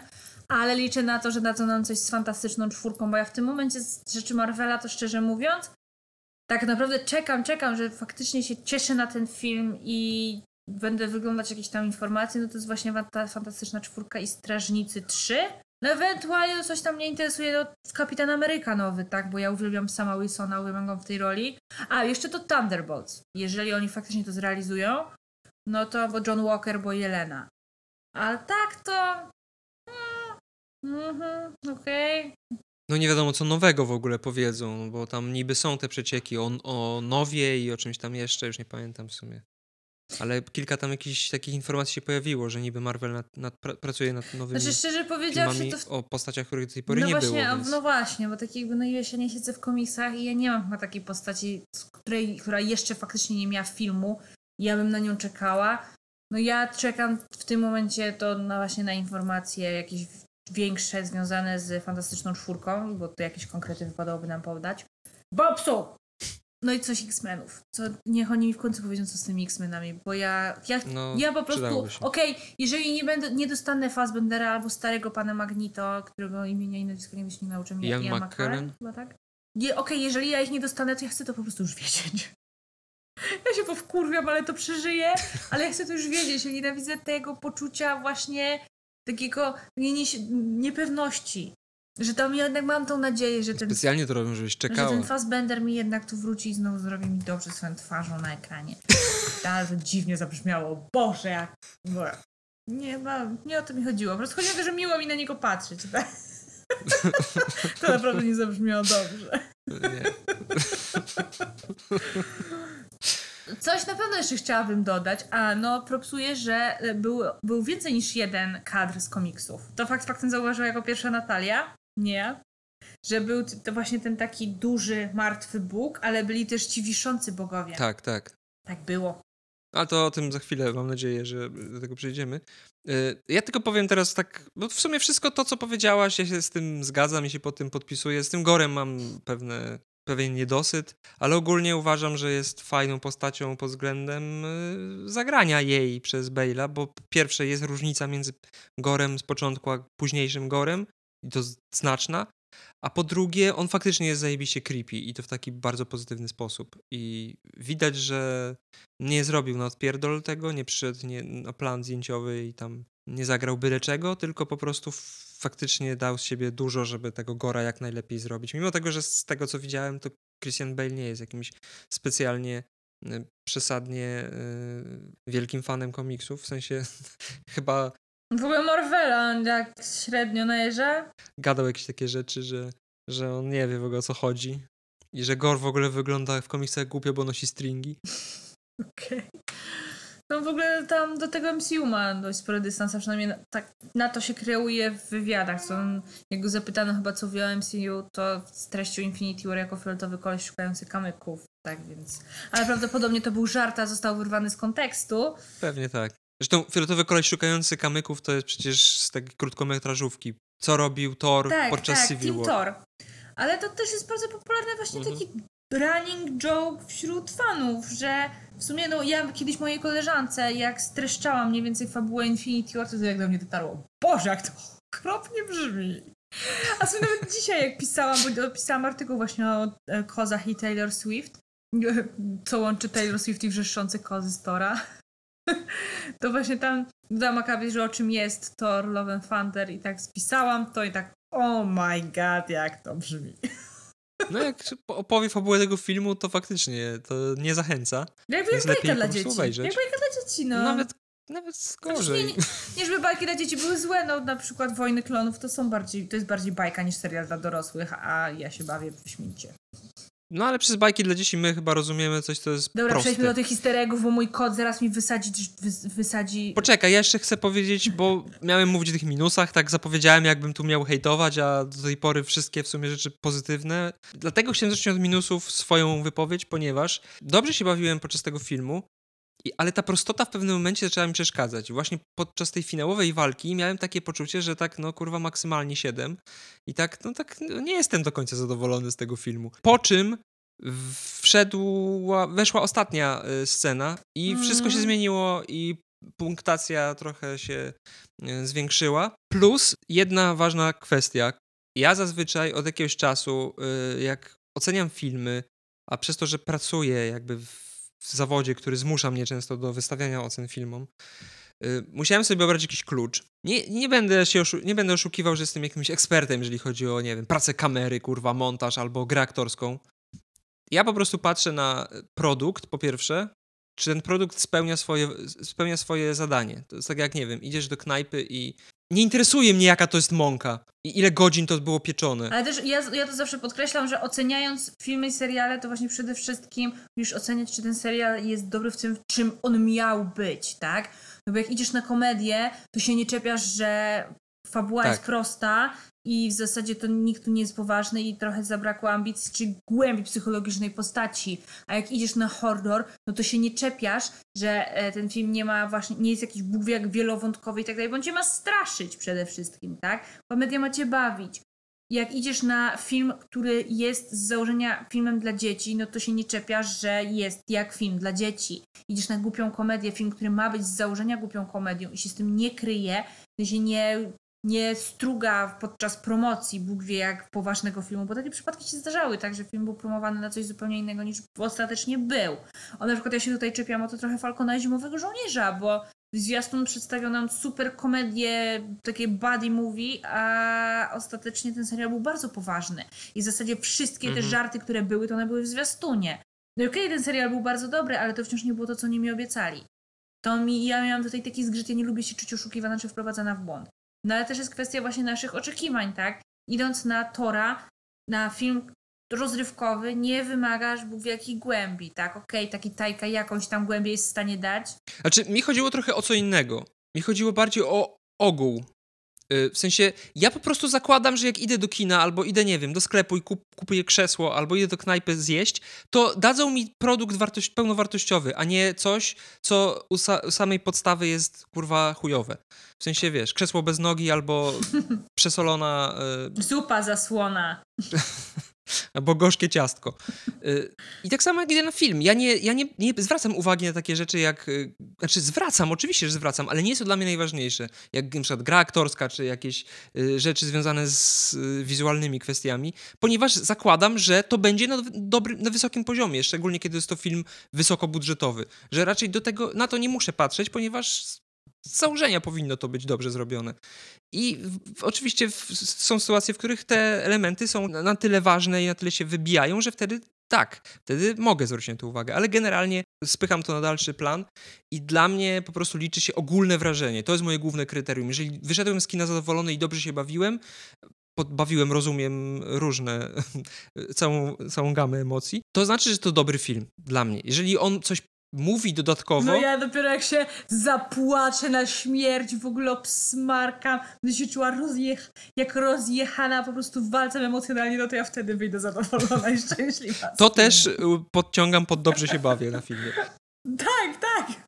To jest dobra zabawa. Jeżeli przy okazji coś mądrego ten film mówi, to jeszcze lepiej. W ogóle to wtedy super. I ten film taki właśnie jest. Mimo tego, że na początku rzeczywiście dałem się złapać w swoje jakieś, kurwa, projekcje na temat tego filmu, zanim go obejrzałem i wystawiłem ocenę zanim się skończył. Po czym się okazało, że, się, że mnie to zaskoczyło, jak ten film się kończy, bo to nadało trochę innego sensu całemu filmowi i to było super.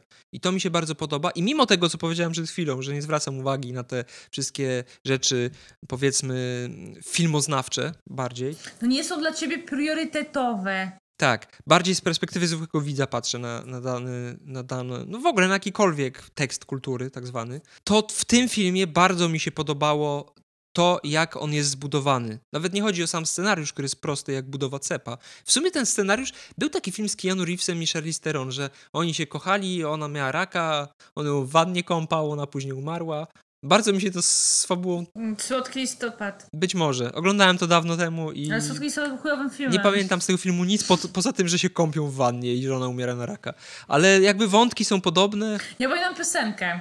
Wiesz co, czekaj, ja muszę, ja Dobrze. muszę zobaczyć co z tym Bobsem, bo on mi spokojnie nie da, jeszcze mi drzwi rozwali. Czego ty chcesz ode mnie?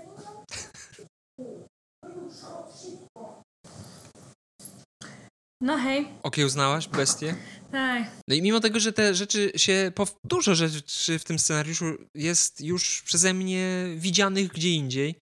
I w sumie mógłbym stwierdzić, No, że. Tak jakby kino rozrywkowe Tak, nie ale ma być Bóg wie jak Zdarzają się takie filmy, nawet rozrywkowe, które jednak potrafią w jakiś tam sposób zaskoczyć. Nawet samą, sam, samym Okej, i to jest wartość dodana, tak. ale nie oznacza, nie oznacza, że automatycznie od każdego filmu rozrywkowego masz zacząć tego oczekiwać. Jasne, ale są niektóre bardzo prostackie, a niektóre są trochę lepsze. Tak, no słuchaj, no nie wiem, Strażnicy Galaktyki, to jest bardzo prosty blockbuster, tu nie masz, okej, jest ładna historia o, o, nie wiem, rodzinie, o wartościach, o odnajdywaniu swojego miejsca tam w świecie i tak dalej, okej, to wszystko jest fajne, ale no to wciąż jest po prostu, kurna, film superbohaterski i tyle. Czy nie wiem, pierwsi czy drudzy Avengersi. Okej, to jakieś tam przesłanie ma, ale no to są po prostu filmy stricte rozrywkowe i tak dalej. No ale no jednak nie porównujmy tego do szybkich i wściekłych. Nie, ale wiesz o co mi chodzi. Po prostu. Którzy też opowiadają o rodzinie. No niby. Znaczy nie wiem, bo nie widziałem nigdy. Widziałem tylko fragmenty i mnie skutecznie zniechęciły. Oj, dużo tracisz. Być może. Wspaniała seria. W każdym razie chodzi mi o to, że mimo tego, że ten film jest bardzo. ma bardzo prosty scenariusz, taki, tą historię można skrócić tak naprawdę, streścić w y, czterech zdaniach i wszystko, co najważniejsze przekażesz, to bardzo mi się podobało to, jak wygląda struktura tego filmu i że tam są poukrywane niuanse, których na pierwszy rzut oka można nie dostrzec, a które łączą się na różnych poziomach r- z różnymi wątkami. Y, W sensie wą- wątki się Tak. przeplatają w, w bardzo różny sposób i wizualnie, i fabularnie, i jeżeli chodzi o jakieś emocje odczuwane przez bohaterów, i wiele różnych innych rzeczy. Nie lubię się powtarzać, nie lubię gadać tego, co już powiedziałem, ale na mm, potrzeby tego podcastu zrobię to, co powiedziałem za pierwszym razem, ale się nie nagrało. To, czego wcześniej nie zauważyłem, czyli kiedyś śmiałem z, film, z, względu filmowego e, Gora i uważałem, że wygląda jak po chemioterapii, to podczas tego filmu dotarło do mnie, że być może to tak Mhm. miało wyglądać, bo Jane Foster ma raka i to jest powiązanie tych wątków, które jakby pokazują podobną historię postaci. To jest to, o czym mówiłeś wcześniej. Postacie mają podobne e, doświadczenia, ale reagują na nie i przechodzą je zupełnie inaczej. Zupełnie, inna, zupełnie inny sposób. I w tym filmie jest dużo takich rzeczy. Dużo takich właśnie elementów, które się składają na coś pozornie prostackiego wręcz, a tak naprawdę bardzo złożonego. Ale jak zaczniesz się przyglądać i Tak. łączyć te kropeczki, to jest właśnie, to jest właśnie cały urok i talent Taiki Waititiego, który, no ja uważam, że on jak mało kto rozumie i czuje kino rozrywkowe i przede wszystkim kocha to kino rozrywkowe i bardzo lubi się nim bawić. Tak. I on właśnie podkreśla, że on nie chce wynajdować koła na nowo, że on nie będzie robił Bóg wie jak skomplikowanych tych filmów, że to są filmy proste o prostych rzeczach, ale to jednak nie są takie typowe blockbustery, tak? Tak. Że jednak on tutaj sobie tak ładnie tu coś da, tam coś da i ty sobie jako widz możesz siedzieć i rozkminiać i tu to łączyć, tam łączyć, tu znajdziesz jakieś nawiązanie. Ja uwielbiam takie rzeczy. Ja absolutnie uwielbiam takie rzeczy, więc no za to na przykład pokochałam George'a R. R. Martina, tak? No i a tutaj kocham za to Tajkę, chociaż no obaj panowie no to zupełnie inny kaliber, tak? No bo George to lubi takie bardzo właśnie takie rozprawy o życiu, o człowieku, o jakiejś w zasadzie to wszystkim, tak? No to on ambicje ma chłop. No Tajka lubi prosto, zwierzę, natomiast wszyscy jesteśmy super, wszyscy jesteśmy, jesteśmy wspaniali, podczas gdy George wszyscy ludzie są chujowi. No, a za, tak jakby jeszcze w kwestii oceniania filmów, no to ja, no jednak mam trochę inaczej niż ty. Ja no, bardzo zwracam uwagę na scenariusz, na aktorstwo, na to, czy film w ogóle ma sens. Znaczy, to- to jest inna kwestia. Tym, być... Fabuła im lepiej zrobiona, tym, le, tym wyższa ocena zawsze. Znaczy, ona tym Scenariusz im Znaczy bardziej. to jest na zas... Bo tak jakby najważniejsza, najważniejsza zawsze jest tak, historia. tak, tak? To, to tego się to zgadzamy. jak ty przeżywasz tą historię. No dla mnie, ja na przykład dlatego ja najbardziej lubię kino mainstreamowe, kino rozrywkowe, bo ja w kinie kocham emocje, ja to emocji, to emocji w nim szukam. Okej, ja też lubię festiwalowe filmy, które mogę sobie siedzieć i rozkminiać, co w ogóle, co autor miał na myśli i tak dalej, takie bardzo niejednoznaczne, bardzo ambitne. Okej, ja lubię sobie obejrzeć taki film. Ale tak jakby moje serduszko zawsze będzie należało do rzeczy typu Marvel, Gwiezdne Wojny, Gra o Tron i tak dalej, no bo Gra o Tron no jest okej, w jakimś tam ambitnym serialem, ale to wciąż jest serial Po rozrywkowy. prostu powiedzmy, Taki, no jednak ma, ma, to jest Prost. mainstream. lubimy bajki. No dokładnie, no tak to już jest, no Gra o Tron, albo jakiej bym nie naz- bajką nie No. nazwała, ona jest taki, taki pomiędzy. pośrodku. Niektóre baśnie braci Grimm w sumie mają No podobne ale to wątki. nie chodzi, to nie chodzi o to nie chodzi mi o poziom brutalności, tylko bardziej o to, że to jest tak.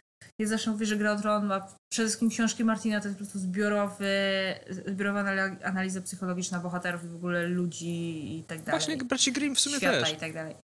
I to jest właśnie fajne w kinie rozrywkowym, że pod pozorem prostej opowieści tak naprawdę jest coś głębokiego i w sumie mity to robiły wcześniej. Chociaż ja lubię to te, ja, ja czasami lubię też sobie obejrzeć takich, gdzie pod tym pozorem nic nie ma jednak, tak? To ja nie. Gdzie właśnie są filmy, od których ja oczekuję właśnie tylko i wyłącznie tego, że ja się będę na nich dobrze bawić, ja będę odczuwać jakieś emocje i tak dalej, tylko że no właśnie wtedy ja nie ocenię takiego filmu wysoko. Okej, on jest tym, czym miał być, tak? Jest fi- filmem rozrywkowym, ale wciąż jest generycznym tempem filmem rozrywkowym. Na przykład, szczerze powiem, mówię to całkiem szczerze, ja się równie dobrze, jak na Nowym Torze, bawiłam na najnowszym Jurassic World, który został totalnie zmierzony przez krytyków, Nie- który nasz Kamil to po prostu, jak myślę, że gdyby on mógł, to on by dorwał tego reżysera i by mu napluł bo był tak wkurwiony tym filmem. To jest w ogóle coś fascynującego, że takie emocje w nim wzbudził właśnie tak negatywne. I to nie jest dobry film. To naprawdę nie jest dobry film. Nie, żeby w ogóle te filmy były dobre. Pierwszy Park Jurajski był naprawdę dobrym filmem. Na tym Ale te wszystkie Jurassic World, które, co się tam, w których gra Chris Pratt, są generyczne, prostackie blockbustery, które po prostu mają tyle idiotyzmów w sobie. Tyle skrótów fabularnych. Scenariusz to tam w ogóle nie istnieje, fabuła jest pretekstowa i tak dalej. Ale co z tego? Ja tak kocham te filmy, ja się przy nich tak fenomenalnie bawię. Po prostu tam jest tyle emocji, bo ja, ja za Blue, czyli za mojego ulubionego dinozaura, sprzedałem wszystkie smoki z Grotron, a to bardzo dużo z moich ust.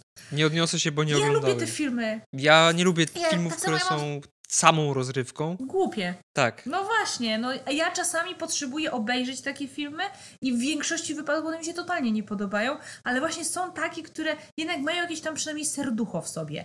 Coś takiego, co sprawia, że ja się angażuję emocjonalnie. Tutaj się właśnie, bo dinozaury. To jest kwestia tego, że to są po prostu dinozaury. Ja pokochałam Blue całym moim serduszkiem. I właśnie ze względu na Blue i na T-Rexa i w ogóle wszystko, co tam lata, biega, pełza i tak dalej, no to ja kocham i zżerajcie ludzi, depczcie i tak dalej. Na szybkich i wściekłych, no to coś tam pykło, no. Nie wiem, czy to po prostu historia jakoś tam bohaterowie mnie kupili i tak dalej. Szybkich i wściekłych też uwielbiam, mimo że te filmy są koszmarne. One są przekoszmarne, są okropne i jest coraz gorzej. No a ja i tak jestem zadowolona, no bo nic więcej, ja nic więcej od nich nie wymagam, tak? Ale no nie ocenię ich wysoko, no.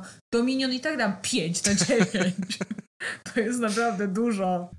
No to nieźle. Na Tor, no właśnie tak, Tor, mimo że też jest kinem rozrywkowym, no to to jednak jest inny kaliber kina rozrywkowego, tak? Okej, ja nie powiem, że on ma wybitny scenariusz, ale nie miałam takiego momentu, żeby ten scenariusz faktycznie mi jakoś wadził.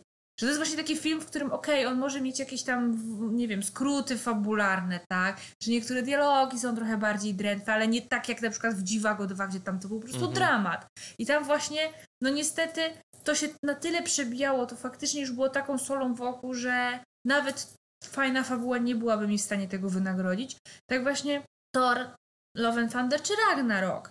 No to są filmy, które, albo nawet Infinity War, które po prostu one tak nadrabiają właśnie samą fabułą, tymi emocjami, tym, że to nie jest tylko stricte po prostu kino rozrywkowe, tylko coś tam jeszcze fajnego próbują nam przemycić twórcy, że jesteś w stanie przyjąć oko na to, że ten scenariusz czasami kuleje, a niektóre rzeczy to trochę nie mają sensu. Nie, no jasne. Nie spodziewałem się, że w tym filmie coś takiego będzie, jak y, tak, tak y, skomplikowana struktura, która y, mnie zachwyci. Bardziej liczyłem właśnie na emocje, przez co wziąłem nawet ze sobą chusteczki do kina, licząc na to, że będę płakał, jak na Strażnika Galaktyki. Ja płakałam. Nie płakałem, ale muszę się przyznać, że jak się pojawił Thor z tą dziewczynką na samym końcu i wjechał ten napis, no to wtedy mi y, łezki w oczkach stane, stanęły. O, ja, się, ja wtedy tylko się zaśmiałam, że dobra, rozumiem dlaczego nie miłość i grzmoczenie. Tak, tak. Ale to, to, to jest w sumie też ciekawe, że ten film y, powinien mi się nie podobać, bo ja lubię, kiedy mnie filmy zaskakują na każdym kroku. Im więcej plot twistów fajnych, nie głupich, tym lepiej. Y, Dlatego w sumie lubię z tych takich gorszych, powiedzmy, rozrywkowych filmów kryminały, które zazwyczaj mają bardzo schematyczną fabułę, ale mimo wszystko, jak są dobrze zrobione i są te plot twisty tak wciśnięte, że się nie spodziewasz, to dają dużo rozrywki. To tutaj tego nie było, nic mnie w tym filmie nie zaskoczyło praktycznie, kurwa, nic. Poza właśnie ostatnią sceną. Tak, to jest jeden z najbardziej przewidywalnych filmów Marvela. Tak, to prawda. Ale tu też trzeba brać poprawkę na to, że my znamy te postacie komiksowe i wiemy, jak ta historia się. Ja przynajmniej wiedziałem, że Jane Foster umrze. Chociaż przyznaję, że ja pod, na sam koniec, nie, w sumie to nie wiem dlaczego właśnie, bo tak jakby Natalia później mi to uświadomiła, że to trochę nie miałoby sensu, to co ja sobie wymyśliłam. To już byłoby tak za bardzo, a no Tajka jednak ma wyczucie, że pod koniec, kiedy właśnie Thor przekonywał mm, Gora, że przecież ma tylko jedno życzenie i on wcale nie musi e, e, tak jakby kierować się nienawiścią. Mhm. I ja wtedy byłam, nie wiem dlaczego, ale ja byłam święcie przekonana, że jego życzeniem będzie to, żeby Jane wyzdrowiała. Ja też tak przez chwilę pomyślałem i tak z jednej strony fajnie, bo szkoda mi było tej Jane, ale z drugiej kurwa nie, nie, tylko nie to. Ale to byłby Tak, zbyt tak. duży akt miłosierdzia ze strony Gora i to by bardzo, to jednak to byłoby takie już Tak. wyłożenie łopatą, takiego jego redemption arc. To, no to nie o to chodziło. To by zepsuło w ogóle tę postać moim zdaniem. E, I totalnie, totalnie zdjęłoby jakikolwiek Mhm. ciężar emocjonalny z tego filmu. Więc bardzo dobrze, że tak się nie stało. Ale no tu jednak mnie tym zaskoczyli. No i totalnie mnie zaskoczyli tym, że Thor będzie teraz tatusiem wujaszkiem. To jest w ogóle coś niesamowitego. Tak, to też, to jest zaskoczenie. Właśnie mówię o tym os, os, ostatnim fragmencie filmu. No i druga scena po napisach mnie też zaskoczyła, bo nie spodziewałem się, że zrobią z Jane boginię, która trafi do Walhali. Znaczy boginie, no wiesz, że do Walhali nie trafiają tylko bogowie, nie? No tak, no ale jakby prawda jest taka, że ona się rozpadła jak umierając na te pyłki, tak jak Odyn, więc teoretycznie umarła jako bogini. Więc tak, ja to, ja automat, dlatego mnie ta druga scena po napisach w ogóle nie zdziwiła. W sensie bardziej okej, zdziwiłam się, że w ogóle nam to pokazali, tak? Ale no ja nie byłam zdziwiona tym, że ona trafia do Valhalla, dla mnie to było logiczne. W momencie, kiedy właśnie ona zaczęła się rozpadać, tak aha, tak jak stary dziad Odyn. E, no ja się ucieszyłam bardzo na widok Heimdalla, to muszę przyznać, aczkolwiek no... No tam liczyłam trochę, że tam zaraz Tom Hiddleston wyskoczy. W ogóle najlepiej to jakby mi Ragnar z Wikingów wyskoczył. Ale no... To, to by było fajne. Taki easter egg.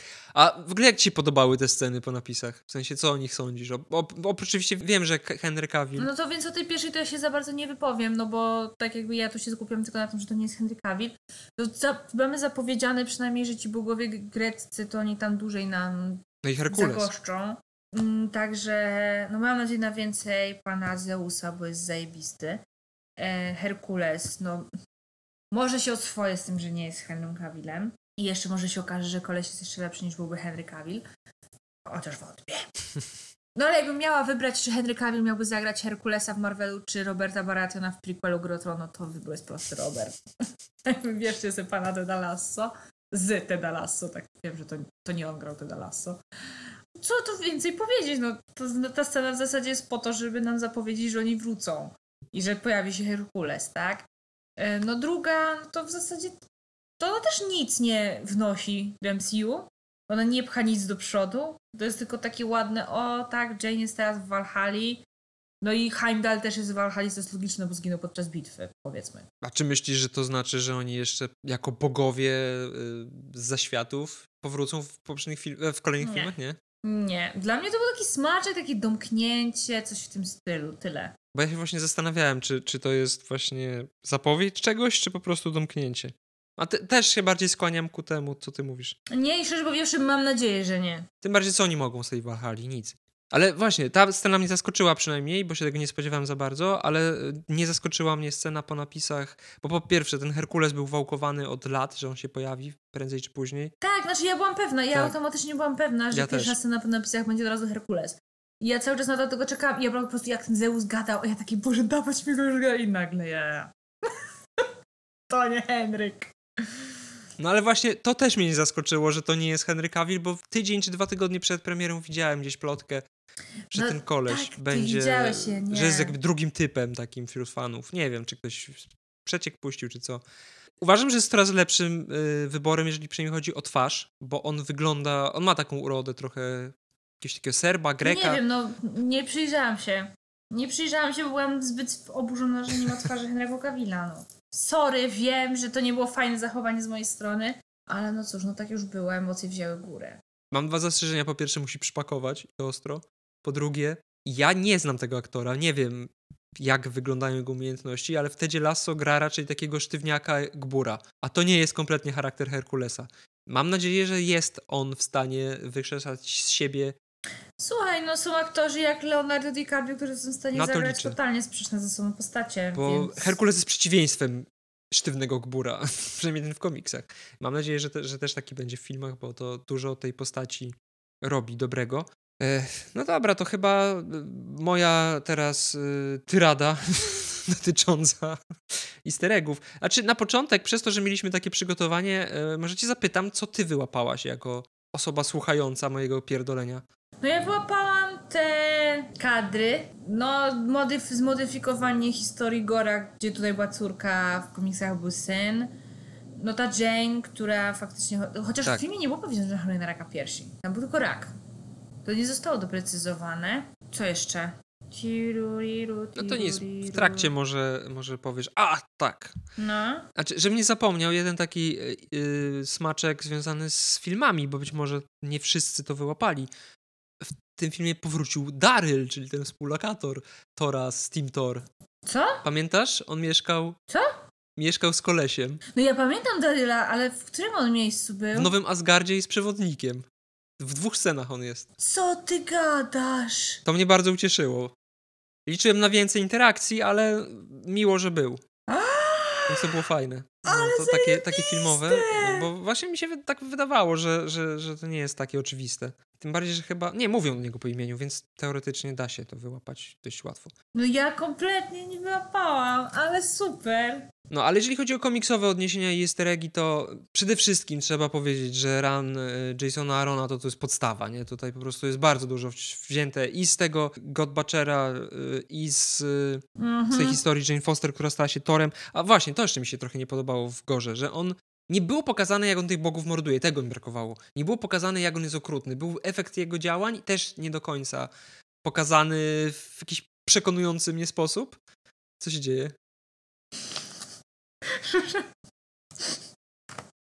Przypomniało mi się, że tekst w tym filmie, z którego się śmieję, mogłam się przestać No. śmiać w kinie. jak to zaraz Lady Sif, po tym jak dorwał ją Gor, że urwał jej rękę. I ona, o dobra, trafię do Valhalla. Tak, Sif, bitwa się skończyła, ty przeżyłaś. Więc nici, ale może twoja ręka już jest w Valhalla. To było tak głupie, ale jak mnie to bawi. No to prawda, to było zabawne. W ogóle przez większość tego filmu ja cały czas się śmiałem pod nosem. Y, Może nie były to wybuchy śmiechu, ale po prostu byłem zadowolony z tego, co widzę, z tych durnych żartów. To były naprawdę udane durne żarty. No i fajnie w ogóle, że Lady C wró- wróciła. Tęskniłam za nią. Tak, zaraz, zaraz o niej powiemy trochę więcej. Więc te, więc te rany to jest kluczowa sprawa. Y, Pierwsza rzecz, taka najbardziej w sumie, to jest taki, taki najbardziej klasyczny easter egg, czyli te stroje Tora, które się w tym filmie pojawiają. Jest scena, kiedy widzimy młodego Tora i on ma sobie klasyczny strój z kostiumów, co jest nie tylko odniesieniem do tego klasycznego stroju, Z komiksów, nie z kostiumu. y, z, z kostiumów, z komiksów, ale też w komiksach często młody Thor jest przedstawiany w tym stroju, więc to jakby to nie jest tylko żarcik ze stroju klasycznego. Mi się bardzo podobał ten strój jego, ten taki torowy, torowy, który on założył właśnie jak on tam szukał tej Lady Sif i tak dalej, zanim Mhm. spotkał Jane. Jezu, on fantastycznie wyglądał. I właśnie on, to on chyba był w komiksach, nie? Taki przynajmniej jakiś podobny. Tak, to jest po- To jest podwójne odniesienie. On nie miał tego futra na Mhm. sobie w komiksach, ale faktycznie miał taką, jakby taki bezrękawnik, jeżeli chodzi o to, co ma na klacie. Ten zbroję bezrękawnik miał czarny taki cały i to jest bardzo podobne właśnie do, do tego, co było w ranie Arona, ale ta, y, ten strój też się odnosi do serialu Incredible Hulk, w którym się pojawił gościnie Thor i on był tam podobnie pokazany, więc to jest taki podwójny easter egg. Ten strój, w, k- w którym ma na samym początku filmu, kiedy ściąga tą szmatę i ma tą kamizelkę skórzaną, to jest z kolei odniesienie do postaci, która nazywa się Thunder Strike. Był taki okres y, w latach 90., kiedy Thor miał nowe wcielenie y, na Ziemi i to był y, Kevin Masterson, chyba on się nazywał? Robotnik, który był nowym alterego Tora. I on później, kiedy Thor powrócił, no to został jakby osobnym superbohaterem, który nazywał się Thunder Strike. I on wyglądał bardzo podobnie. Też miał brodę, włosy w kucyk, skórzaną kamizelkę i taki, taką właśnie zbroję bez żadnych okryć, jeżeli chodzi o ramiona. A nie, wspomniałem jeszcze o jednym kostiumie. Jeszcze ta zbroja to też jest przecież. e, Ta kolorowa zbroja to też jest wzięte z komiksów. To jest koniec lat 80. i, i run Waltera e, Simonsona.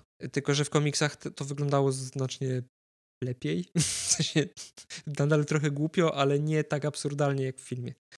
Logo Avengers klasyczne z komiksów pojawia się na czapce to, Tora, kiedy ćwiczy y, z tymi łańcuchami, chce zrzucić wagę. A, nie w ogóle To ma tam napisane Best Avenger i to jest logo Avengers Ej, powinien- wzięte z, klasycznych Powinien komiksów. mieć Strongest Avenger. Czy Strongest? Nie pamiętam, co tam jest napisane. Tak, też Być może to się- do tego, wiesz, pojebało. pamiętaj, Mhm. bo tam w Ragnaroku było, który z nich jest Strongest Avenger. To być może to jest właśnie to hasło. No oczywiście to, że on się połączył z, ze Strażnikami Galaktyki, to jest takie lekkie nawiązanie do grupy, która nazywa się Asgardians of, of the Galaxy, która w komiksach pojawiła mi się, wydaje, po Endgame, czyli jakby to jest taki komiks, który trochę nawiązywał do filmów i Teraz film nawiązuje do komiksu. Tak, tak, więc to się wszystko przeplata. I ta planeta, na której e, walczą e, Thor razem ze Strażnikami Galaktyki, nie została nazwana chyba, albo ja to przeoczyłem, ale ci kapłani, którzy tam proszą Tora o pomoc, wyglądają jak te, jak te postacie z planety Indigar, na którą Thor poleciał. Ja w ogóle muszę, za, chciałam zauważyć, że niektóre stworki tam w którychś momentach w tym filmie to mi kurna przypominały e, stworki z Gwiezdnych Wojen. Na przykład był koleś, który wyglądał jak prawie tak samo jak Grido. Tak? Ten od Hanna Solo, Who Shot First. Albo ja już jestem spaczona. Może jesteś spaczona. W każdym razie o, ci kosmici wyglądają jak te postacie, które się modliły do Tora o deszcz. I to jakby początek tego śledztwa, pamiętasz? On przyleciał na planetę, Mhm. wywołał burzę i sprawdził, że tam ich bogowie nie Tak, żyją. właśnie ja też się zastanawiałam, jak była właśnie ta scena tutaj z nimi, to automatycznie moje myśli powędrowały właśnie do, te, do tego momentu z komiksu. No bo to jest wzięte, inspiracja, bo to była zupełnie, zupełnie inna scena, ale inspiracja wizualna przynajmniej. Oczywiście twoje ulubione postacie, czyli kozły, w sumie moje, no może nie ulubione, ale bardzo, bardzo je lubię, e, które też w komiksach się pojawiają i w komiksach nazywają się Tooth Nasher i Tooth Grinder i one nie są tak absurdalne w komiksach jak w, w filmie. One po prostu są wzięte z mitologii i w mitologii ciągnęły rydwan Tora i tak Thor się przemieszczał y, w komiksach również. Więc miał taki latający rydwan, one potrafiły latać, były ogromne i... A, i pamiętasz jak w y, War of the Realms jeden z kozłów zginął, zabity przez Mangoga. Mhm. Loki postanowił zrobić prezent y, Thorowi i go wskrzesił, więc znowu te kozły funkcjonują w parze. Y, To, co wspomniałaś, czyli ten Faligar, ten wielki Bóg-potwór, który był wzięty prosto z komiksu Warona y, i te wiszące pod y, sufitem bóstwa, no to, to, to już o tym wspomniałaś. I Lady Sif, o tym też wspominałaś. Mhm. Jej ręka, która już jest w Valhalla. Po raz pierwszy w filmach w końcu Lady Sif dostała klasyczny kostium. Ten czerwono-biały kostium to jest klasyczny kostium Lady Sif z komiksów, z czego się cieszę, że w końcu się pojawił. Ona fajnie Bo wyglądała. ten kostium wygląda. Na tak. ona naprawdę fajnie w nim wyglądała. No a brak ręki, nie wiem, może to jest naciągane, ale moim zdaniem to jest motyw przewodni ranu y, Arona, gdzie zawsze ktoś traci jakąś kończynę, zazwyczaj rękę i tutaj też to się pojawiło, więc myślę, że gdzieś tam być może zostało to. To Thor przecież, stary Thor nie miał ręki, nie? Tak, Tak, tak, bo on stracił ją w walce z, z Malekifem. no właśnie. No i też Goro, Gorowi rękę przecież Thor odciął w komiksach. O, faktycznie. A później Malekifowi odciął y, Thor rękę pod koniec. Więc, więc dużo tych y, uciętych rąk było. Gadanie z młotem tutaj zostało sprowadzone do absurdu, ale w ranie Arona się pojawia, bo jak się okazuje, Jane potrafi się z nim komunikować. Więc to też jest wzięte z komiksów. Nawet wzięte z, z komiksów jest to, w jaki sposób ten statek został napędzany, czyli za pomocą Mjolnira. Stormbreakera. Kiedy, y, W filmie jest Stormbreaker. Stormbreakera, przepraszam. Tak, tak, tak, pojebał mi z komiksami. W, w komiksach było tak, że kiedy Thor, e, Jane, Jane Foster była członkinią Avengers, to podczas jednej wyprawy kosmicznej wsadziła w, taką, w taki silnik specjalnie skonstruowany przez chyba Wirzyna czy tam kogoś Mjolnir, dzięki czemu mieli nieograniczoną moc do podróżowania w przestrzeni kosmicznej. Latające statki to oczywiście też jest stały wątek, jeżeli chodzi o komiksy, też się pojawiają, tylko ich nie trzeba zasilać żadnymi młotami, one po prostu latają. One są takimi jakby pojazdami kosmicznymi, które mają wygląd nordyckich statków. Chcę napomknąć tylko, wracając do tego, co mówiłeś wcześniej, że popełniłeś wielką zbrodnię, myląc Stormbreakera z Mjolnirem i Stormbreaker byłby bardzo zły. No, przepraszam. Kontynuuj. Obciąłby mi rękę prawdopodobnie. Omnipotent City, czyli to miasto, gdzie w komiksach znajduje się parlament bogów, Tak, to też skojarzyłam. a w filmach w sumie nie wiem, czy zostało to tak nazwane, ale jakieś na pewno To zgromadzenie, w sensie to jest miejsce takie, gdzie się spotykają chyba wszyscy bogowie? zgromadzenie najpotężniejszych bogów. No i ci bogowie, którzy są, są tam obecni, większość z nich y, też istnieje w y, komiksach Marvela, oczywiście Zeus, bogowie y, egipscy, bogowie Majów i była też tam bogini Bast, która prawdopodobnie będzie pełniła ważną rolę w drugim Black Pantherze, czyli ta Mhm. bogini, która w komiksach jest jakby utożsamiana z boginią Panterą czarną, więc y, jest ważna dla Wakandczyków. No i też jest Dionizos, jeden z greckich bogów, i Celestials w klasycznym wydaniu swoim, takim jak ze Strażników Galaktyki. Nie takim y, jak z Eternals. What? Co? A! Y, czekaj, y, bo był ten moment, ja to od razu wyczaiłam. Y, a to nie było tam właśnie już przy tej wyroczni? Nie, nie, nie, to, to jest inna sprawa. No. Zabijają Zeusa i porywają ten jego grzmot. Swoją drogą e, w, na okładkach komiksów też często Zeus jest przedstawiany z, takim, z taką bronią w ręku, ale to nie jest chyba żaden przedmiot z tego, co kojarzę, rzeczywiście ważny, jakiś artefakt, tak jak w tym filmie zostało prze, przedstawione to. E, Jak, jak zabierają ten piorun i uciekają z Omnipotent City, to wylatują przez okno i tam za tego okna się wychylają Celestials zaglądający do środka, do tej sali. Co ty Tak, gadasz? tam, to, na zwiastunach było widać. A co nie zwróciłam w ogóle uwagi. No ale dobra, no a ten pan dekapitowany przy wyroczni, To też jest Celestial, tak. To prawdopodobnie jest e, Arishem, czyli ten, który sądzi światy jakby. To jego A, głowa. no wiem, wiedziałam, że gdzieś tą mordę Tak, już tak, tak. widziałam. Co tam dalej ciekawego? Właśnie, coś, czego, y, co myślałem, że wywoła twoje oburzenie, a nie wywołało, albo o tym zapomniałaś. Miały być kosmiczne No. rekiny, Tak, a były kosmiczne delfiny.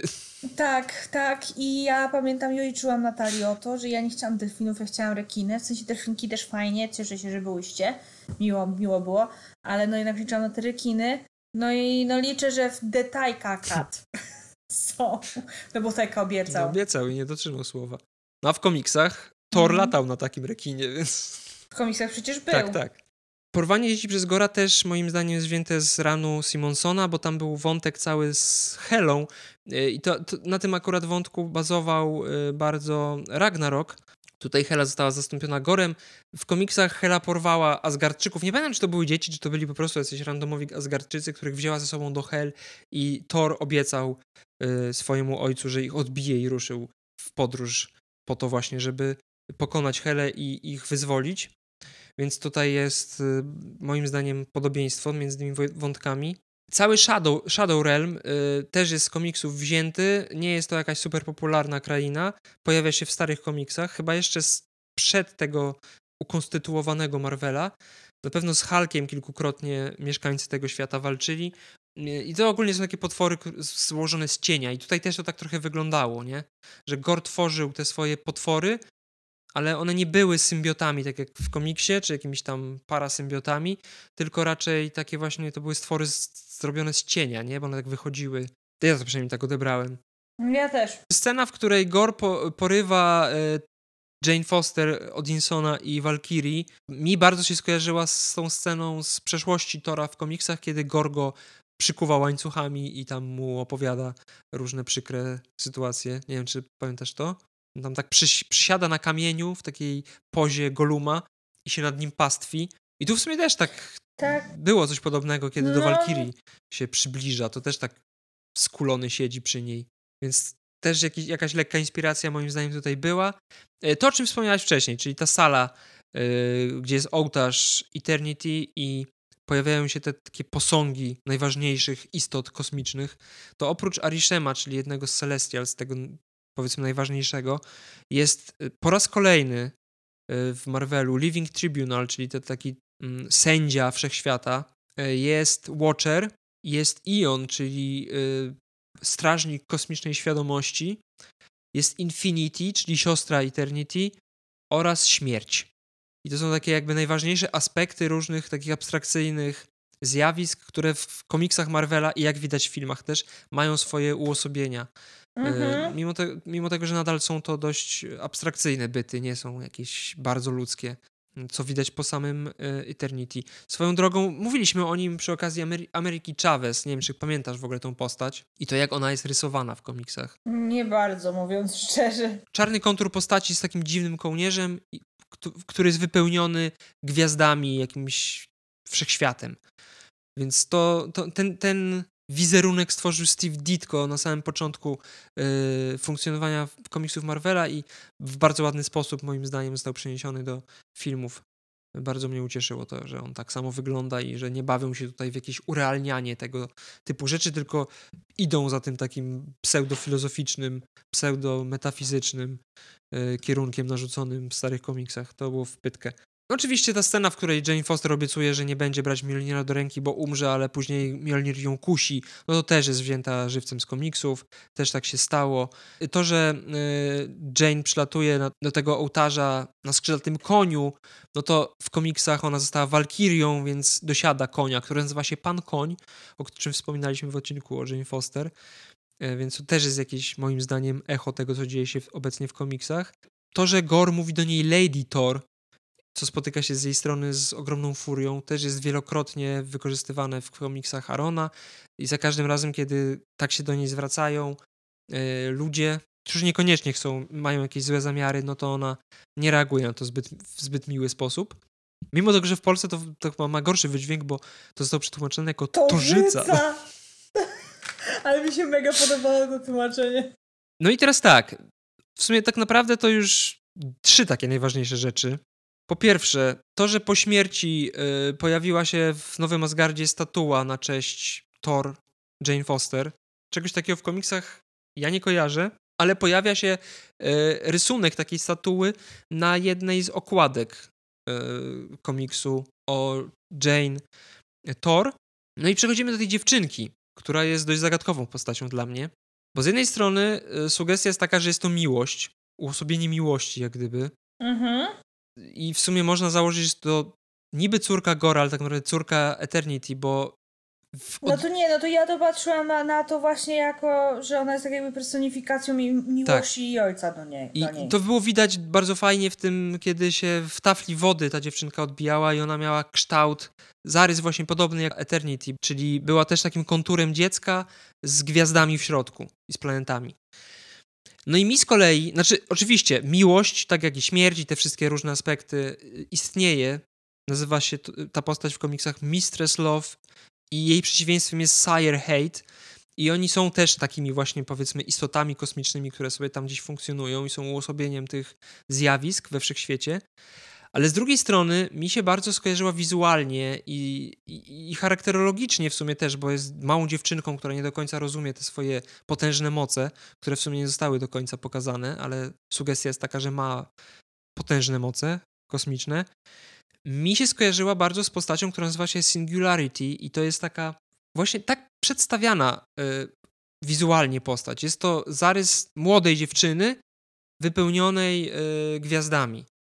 I ona jest bardzo naiwna, taka bardzo dziecięca. Ona nie do końca.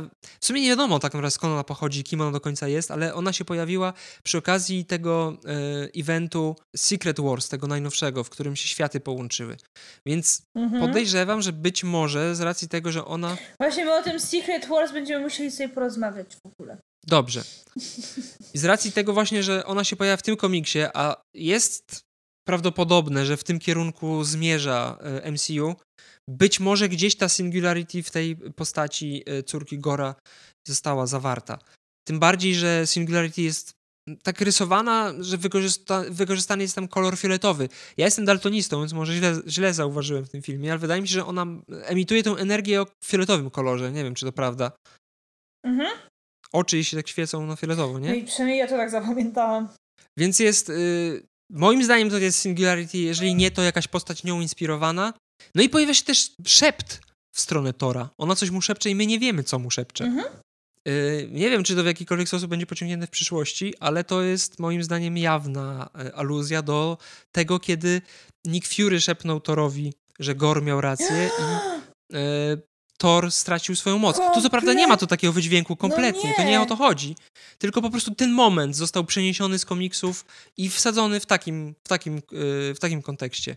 To jest trochę tak jak z tym, kiedy Kapitan Ameryka powiedział Heil Hydra yy, i to nie, nie świadczyło o tym, że on jest agentem Hydry, tylko po prostu taki żarcik dla fanów komiksów. Mhm. Więc to ja nie twierdzę, że ona mu powiedziała, że Gor miał rację, tylko raczej to jest po prostu wzięcie czegoś kultowego, powiedzmy. Wykorzystanie Tak. motywu, wy- wykorzystanie motywu z powiedzeniem Torowi czegoś na ucho, czego my nie wiemy. Yy, tak, tak, dokładnie. No i to, że on w sumie jest niby wujkiem, ale tak naprawdę trochę ojcem, co w komiksach też się, też miało rację bytu, ponieważ wiemy, że w przyszłości Thor będzie miał wnuczki, więc jakieś Też, dzieci o, musiał mieć. Tak, ja o tym pomyślałam też, że faktycznie, że w tych komiksach się pojawiał motyw wnuczek, a tu się pojawił motyw tej dziewczynki. No w ogóle to tak też trochę jaki ojciec, taki syn, tak? Przypominam, że go, to Odyn też wychowywał nie swoje dziecko. Dziecko, swo, dziecko, dziecko swojego pokonanego wroga. Tak, na to nie zwróciłem uwagi, ale to też jest fajne. No, no właśnie, i że- w tym filmie dużo jest takich rzeczy. No, na każdym kroku można Miejmy tylko nadzieję, że Thor będzie lepszym ojcem niż Odyn. No, miejmy nadzieję. Na każdym kroku można się do, doszukać czegoś nowego, co ma jakieś powiązanie i- wewnątrz filmowe, i jeszcze z innymi filmami poprzednimi. To jest super w tym filmie. No i ostatnia rzecz, no to oczywiście, oprócz Valhalla, no bo to, że Valhalla istnieje, to jest oczywiste. Yy, ostatnia rzecz to Herkules, no to jest też dość oczywista sytuacja. Yy, mam nadzieję, że w kolejnej części nie będzie, z Torem, tak jak tak, że nie będzie tego, co, co czyta, czy czytałaś. A właśnie ja mam miesiąc nadzieję, temu. że będzie. Taka Ale nie w taki sposób. Prostacka, totalnie, wiesz, jak neandertalczycy, no się napierdol. Ale nie przez cały film i nie w taki No sposób nie, jak no wiesz, mi chodzi o jedną krótką scenę, tak? Taki, taki smaczek. No więc to są No- smaczki, które ja zauważyłem w tym filmie, e, nawiązujące do komiksów. No i tyle, no nie wiem, oceny wystawmy, bo już dużo gadamy, długo. No ode mnie dycha. Tak, szczerze. W sensie to jest dla mnie najlepszy film Marvela. Ja tu się nie mam, do, nie, nie mam, nie jestem w stanie znaleźć takiej wady, która faktycznie by mi jakoś wadziła, tak? Więc no, dla mnie dycha. Nawet Infinity War ode mnie nie dostało dychę, mimo że tak jakby no emocjonalnie bardziej siadło, ale z drugiej strony Infinity War nie stoi na własnych nogach, tak? Więc tam też ten, to wzmacniało ten impact emocjonalny. Więc dyszka. Ja taki hojny nie jestem, dla mnie 8,5, ale takie mocne 8,5, takie naprawdę bardziej bliżej dziewiątki. Zauważam, że od kiedy, jak wychodzą filmy Marvela, od kiedy my razem nagrywamy, to jest tak trochę na zmianę. Najpierw ja oceniam film wyżej niż ty, później ty wyżej niż ja. No ale to w sumie dobrze, bo nie, nie, nie ma dzięki temu nudy. Mi się aż tak bardzo nie podobał, żebym nazwał go najlepszym filmem Marvela. Mało tego, ja nawet y, nie uważam, że jest lepszy niż Ragnarok, ale jeżeli chodzi o tory, na pewno zaraz za Ragnarokiem jest. Y, jest to bardzo dobry film, ale nie nazwałbym go najlepszym filmem Marvela, tak jak nie nazwę Gora najlepszym złoczyńcą Marvela. No to, no to ja twierdzę inaczej, mimo całej mojej ogromnej miłości do Infinity War, do Ragnaroku. Ragnarok przede wszystkim mnie zaskakiwał na każdym kroku, tutaj tego nie było, więc z tego chociażby powodu. Wiesz, Ragnarok też miał trochę inną sytuację, że on był tym takim powiewem świeżości, tak? Te dwa poprzednie tory były chujowe. To prawda. I nagle wiesz, że ci Ragnarok jest zajebiście. No drugi raz tak, takiego efektu nie osiągniesz. No tak, to fakt. No, no, no wysoka poprzeczka po prostu była do przeskoczenia i tyle. Ale nadal jest y, dobrze. Ale widziałem bardzo dużo negatywnych recenzji o tym filmie. Nie wiem, Tak, on w ogóle jest jednym z najgorzej ocenianych filmów Marvela. Gorzej jest chyba z tylko Thor The Dark World, y, ten Eternals i nie wiem, czy nie, nie wiem, jeszcze coś. a właśnie poruszyliśmy ważnego wątku. To jest najbardziej queerowy film, jaki Marvel z siebie wydał. No chyba tak, chociaż fakt faktem, to jak oni to zapowiadali, to właśnie trochę przesadzili. W sensie oni tego, że to, będzie w ogóle tego tyle, że się zesramy, a tu, no, było więcej niż w poprzednich filmach Marvela, chociaż w sumie nie wiem, dla Eternals też mniej więcej ten sam poziom był. Ja liczę na to, że Valkyria w końcu dostanie coś swojego i wtedy to będzie mocne. Ja liczyłem, że Jane Foster w ogóle, że tak naprawdę będzie taki przewrotny Ja tytuł nawiązujący do miłości pomiędzy Valkyrie i Ja Jane Foster, liczyłam, to tak się skończy. się spikną ze sobą, bo one miały o wiele lepszą chemię w ogóle niż... Też tak uważam. E, Natalie Portman z Chrisem Hemsworthem. W ogóle Natalie Portman to z mało którym chłopem ma dobrą chemię, no nie oszukujmy się, przepraszam. W sumie już, już lepiej było z tym Christensenem Hemsworth. Już No, no, no nie wiem, czy ja nie jestem obiektywna, ja jakoś tam w miarę kupowałam tą Padmę i tego Anakina ze względu na to, że ten Anakin był nie taki zakochany. Za- Znowu zaczęłam gadać o Anakinie, oczywiście, że tak. No, w każdym razie ja pod, po, słowem podsumowania mówię, że jest to bardzo dobry film, może prosty, ale zabawny, przede wszystkim mądry, z fajnym przesłaniem, może nie wnoszący zbyt wiele, jeżeli chodzi o uniwersum Marvela, bo nie rozbudowuje go w jakiś znaczący sposób, ale jest to film, i to mówię ja, człowiek, który nienawidzi oglądać kilka razy tego samego, z przyjemnością obejrzę go kilka razy i więcej niż raz na No ja pewno. też. To będzie u mnie chyba pierwszy film Marvela od długiego czasu, który obejrzę więcej niż raz. W sumie od Endgame. I ja bym go porównał w sumie do, przez tą swoją prostotę, do pizzy. Pizza to jest jedno z najprostszych dań świata, Makaron! ale jak jest dobrze Makaron zrobiona, jest o wiele prostszy, o wiele mniej czasu zajmuje niż pizzaka. no może i tak, ale dla mnie archę kuchni jest placek. W każdej kuchni praktycznie masz jakiś placek. I zawsze ten placek wygląda bardzo podobnie i każdy, w każdej kuchni ten placek do, do tej pory przynajmniej jak kosztowałem, bardzo mi smakował i to jest moje Moje hobby, jak jeżdżę gdzieś za granicę, to zawsze muszę lokalnego placka posmakować. I jak zrobisz bardzo dobrą pizzę, to mimo tego, że jest prostacka i nie ma tam nic poza sosem pomidorowym i kawałkiem glutenu, potrafi sprawić, że nie dość, że pamiętasz moment, w którym tą pizzę jadłeś, to jeszcze do tego y, są to bardzo pozytywne i przyjemne y, wspomnienia i odczucia. I taki właśnie dla mnie jest ten film. Ciekawe Jest to pyszna pizza. Ja lubię porównywać filmy do jedzenia. Możesz mieć jakiś wysublimowany, kurwa, y, rarytas, który kosztuje 5000 zł za kilogram, ale po prostu ci to nie smakuje, mimo tego, że przygotowanie go kosztowało kucharza miesiąc pracy. A możesz dostać kawałek pizzy, która jest zrobiona w 15 minut i smakuje tak, że nie zapomnisz jej do końca życia.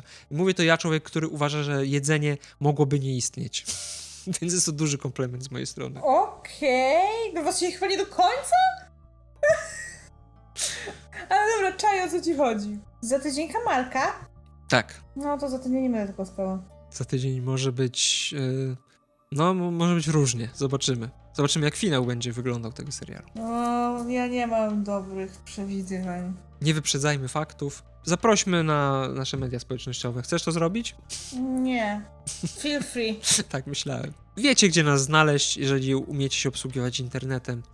Zapraszamy. Możecie do nas pisać. Podzielcie się swoją opinią na temat Tora Love and Thunder. Napiszcie, co wam się podobało, a jeżeli coś wam się nie podobało i jesteście w gronie ludzi, którzy uważają, że ten film jest beznadziejny i jesteście rozczarowani, też napiszcie, bo chętnie się dowiemy, dlaczego tak jest, bo ja do końca tego nie jestem w stanie zrozumieć. Tak obiektywnie patrząc na to.